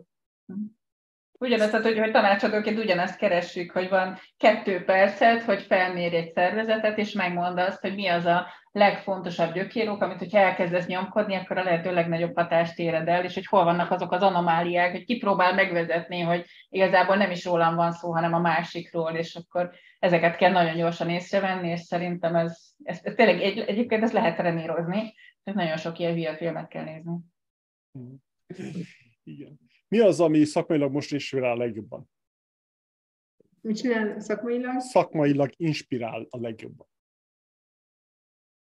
Most én, én most pont ebben vagyok, hogy, hogy inspirációt keresek. Pont most fogalmazódott meg bennem, hogy, hogy négy-öt év az, az, az pont az a az az időszak, ami után valami, tehát hogy most azt érzem, hogy, hogy valahonnan valamilyen külső inspirációra van szükség, ami egy új gondolkodást, új, irány, új irányt tud hozni, új irányba tud terelni, mert uh, szerintem négy év alatt saját magunk paradigma vaksága is már megszületett, tehát hogy folyamatosan ugyanabba vagyunk, és, és uh, ezért uh, én most inspiráció keresésben vagyok, úgyhogy ha valaki tudna inspirálni, azt, uh, azt nagyon, nagyon megköszönném. Igen, ez tényleg, tényleg izgalmas, tehát, hogy, hogy uh, most már elég messze van a nagyvállalati környezet ahhoz, hogy ezt már tudjuk, hogy oké, ezt letudtuk, ezt, ezt értjük. Tényleg benne van négy-öt év abban, hogy, hogy értjük a, az ökoszisztémának a működését, és ugye mindkettőnket általában addig izgat valami nagyon, ameddig meg nem fejtjük. Hát ugyanúgy, mint egy, egy detektív regényben, és uh, ugye ameddig keressük és beszélgetünk, hogy ez nem illik még bele a képbe, és akkor van egy nagyon szép magyar szóval mondásunk, ez a, bocsánat, ez a bazd meg amikor ugye fejünkre csapunk, hogy na most már értjük, hogy az a dolog, az hogyan illik bele abba, és az elején, amikor elkezdtük a, a, a, a vállalkozást, akkor tényleg heti szinten volt ilyen, és akkor néha itt éjjel kettőkor, hogy na most akkor összeállt a kép, és akkor most már értem. Most összeállt a kép, és szerintem ezt érezzük mind a ketten, hogy látjuk előről, hátulról, mi mozgatja, hogy mozgatja, mitől megy, mitől nem megy ez az egész ökoszisztéma, amit lehetne másként csinálni. De ami a befolyásolás, befolyásolási körünkön belül van, azt szerintem már látjuk, és akkor itt van egy következő szint, hogy ezt hogy lehet még egy uh, szinten magasabbra vinni, és valószínűleg ehhez kell igen az, a, az az inspiráció, ami valószínűleg egyébként nemzetközi környezetből fog jönni. Hogyan menedzseled a feszültséget? Edzéssel.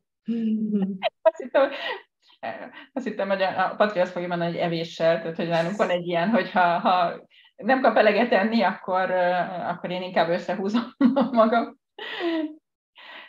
De nekem pedig a gyerekek, meg a, meg a kutyák, én imádok a gyerekeimnek a foci meccsére kijárni, és néha azt veszem észre, hogy ott sokkal idegesebb vagyok egyébként, mint bármilyen munkahelyi stresszes helyzetben, tehát hogy ez amikor úgy turkolsz, hogy tényleg így fogod a korlátot, és akkor bármit megteszel, illetve itt nekem van két kutyám, egy macskám, úgyhogy ők bőven adnak elég inspirációt ahhoz, hogy itt, és nem rajtuk vezettem, de nem az van, hogy hazajövök és belerugok a macskába, hanem tényleg az a... De jó, hogy hozzátetted, kicsit félreértető volt. Tudom, tudom, tudom.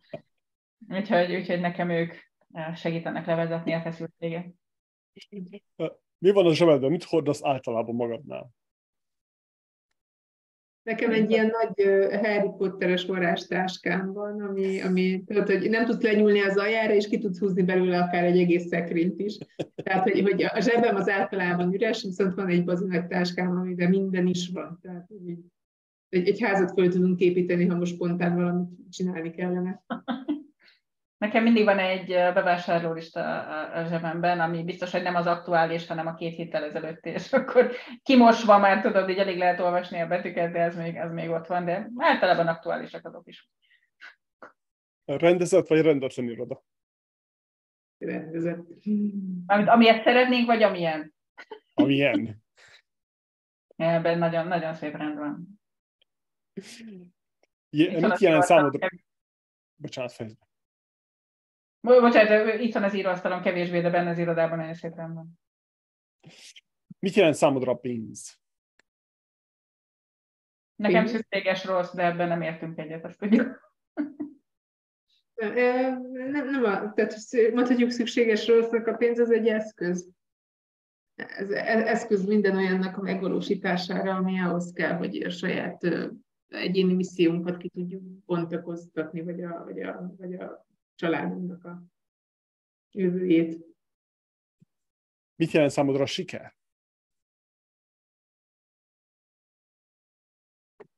Szóval ezzel már azért gondolkoztam, amikor, amikor, amikor láttam, és uh, hogyha ilyen uh, rövid távú kézzelfoghatót, akkor uh, amikor valaki egy olyan dologgal jön, hogy azt mondja, hogy ez biztos nem tudjátok megoldani, és de.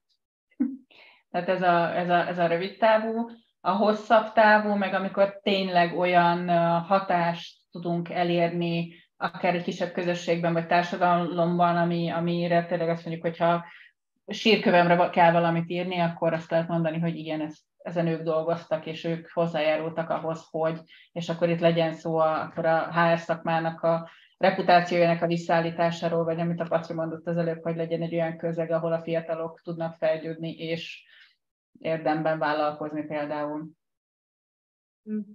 Nekem a siker, és ezt le, lehet rövid távra is, meg hosszú távra is húzni, kicsit kapcsolódik ahhoz, vagy hasonló, mint amit a, a Barbie mondott, de olyan szempontból, hogy az a siker, hogyha azt a visszajelzést kapom, és nem kell, hogy konkrét legyen, csak hogy lássam az eredményét annak, hogy aki, akivel kontaktusban voltam, akár ügyfél volt, akár barát, akár és segítségért fordult, azt a segítséget megkapta, és előrébb van, mint ahogy, ahogy, ahogy hozzám jött. Tehát, hogy látom a, a haladását, a fejlődését azoknak az embereknek, vagy annak a csapatnak, vagy annak a vezetőnek, vagy annak a családtagnak, aki, aki, aki segítségért fordul.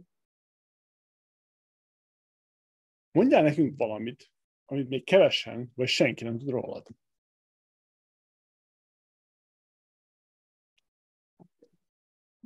Mondjuk kevés, kevés olyan dolog van, amit szerintem hogy egymásról nem tudom. Ez most el kell gondolkodnom, mert azért viszonylag kommunikatív, extrovertált emberkép vagyunk, senki nem tud róla, hogy viszonylag kevesen.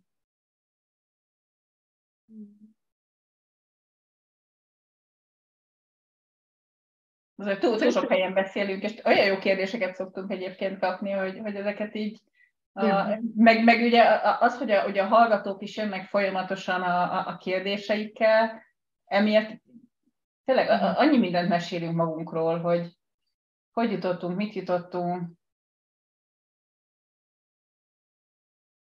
Ilyen nagyon banális, hogy, hogy, hogy én nem, nem kutyákat, hanem tengeri malacokat tartottam például gyerekkoromban. És, és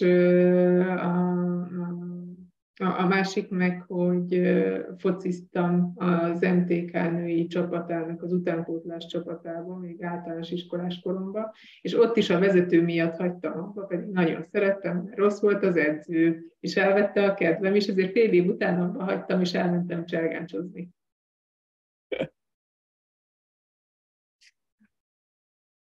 De ma most ezen gondolkozom, hogy, hogy ugye ezek az ilyen, ilyen múltbeli dolgok, mit tudom én, a, tényleg a kutya kiképzésnél, ugye mi hoztuk be Magyarországra, hogy akkor még nagyon új volt a, ugye az agility, olyan, mint a lovaknál ugye a díjugratás kutyákkal, és, és hogy akkor mennyire nem fogtam föl, hogy kimentünk egy világversenyre, és ott világkupa győztes lett a kutyával, és az ilyen egyébként annyira természetes volt, hogy, hogy odáig az ember eljutott, mert csak azt csináltam, az volt a fókusz, és így visszagondolva, hogy Isten mi meló volt benne, hogy heti négyszer kimenni hűvös völgyből, Nagyicére két kutyával a metrón, hogy amikor az ember így elszánt, akkor így, így nem is veszi észre, hogy egyszerűen oda, oda kerül, és uh, így biztos, hogy most így biztos, tudatosan végig vagy ezt megint csinálnám, még egyszer biztos, hogy nem.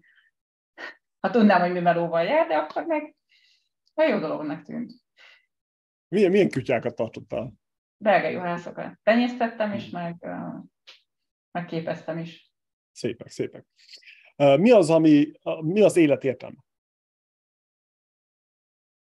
Tehát, hogy olyan dolgot örökítsünk át, amiben, amiben hiszünk, tehát, hogy értékeket tudjunk továbbadni. Szerintem ez a természetes működésünk, és uh, szerintem ez ez a felelősségünk is, hogy a gyerekeink azt vegyék tovább, ami, ami, ami értéket teremt, és valami egy, egyen jobb irányba viszi a, a világot.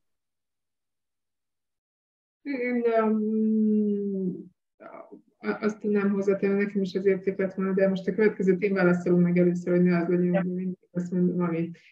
Ezek a hasonlóságaim, de hogy, hogy, hogy nagyon, nagyon röviden és egyszerűen egyébként a, a a család, ezt nagyon hosszan kifejt, meg nagyon sok oldalról meg lehetne indokolni és érvelni, hogy milyen szempontból és miért. Család. Hm? Jó. Oké. Okay. mondj, még egy, mondj még egy kérdés mindenféleképpen, mert ezt a pacinak kell megválaszolni. Következő kérdés, nem villámkérés kérdés. Maradt még bennetek valami, amiről szeretnétek beszélni? Köszönjük szépen. Szerintem, szerintem azért ennyi, ennyire sokat egybefüggően ritkán beszélünk magunkról, vagy arról, amit, amit, amit csinálunk, úgyhogy, úgyhogy eléggé sikerült kimerítenünk, meg minden olyan témát behoznunk, ami egyébként is a, ugye a fő értékeink között vannak, és amit, amit képviselünk. Úgyhogy ha csak a Barbie nem mond mást, és közben nézek, hogy benne maradt-e még valami. Nem, mert Barbie nem mer megszólalni. Nem, nem mert, mert most a Barbie is ugyanazt mondja, amit én mondtam. Igen. Nem, úgyhogy, úgyhogy az én részemről azt köszönjük szépen, és én, én mindent úgy érzem, hogy el tudtunk mondani, amire, amire szerettünk volna sort keríteni. Az jó, az jó.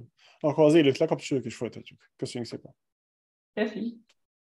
Mit tanultál a mai részből, illetve mit hajtunk ki a mai adásból? Ez a két kérdés foglalkoztat minket minden egyes adás után. Arra kérünk, hogy küldj egy e-mailt, és oszd meg az gondolataidat. A vállalkozásod fejlődéséhez és annak nemzetközi skálázásához elengedhetetlen eszközöket a Magyar Business Platformon találsz, iratkozz fel, csak egy percet vesz igénybe. Kövess minket a Youtube-on, ahol megnézheted a klippeket, teljes adásokat, kérdezhetsz, és válaszolni is fogunk. Ezeket a beszélgetéseket a Magyar Business honlapon már videókesz formájában elérhetitek, sőt, a régebbi epizódokat is dolgozzuk fel folyamatosan. Ezennel szeretném megköszönni a vendégeinknek, hogy eljöttek a virtuális stúdiónkba. Furis Attila voltam, köszönöm a figyelmedet, és köszönöm a csapatnak. Nazsi, Regina, Jami, Bálint, György, Laci. Hatékony skálázás mindenkinek!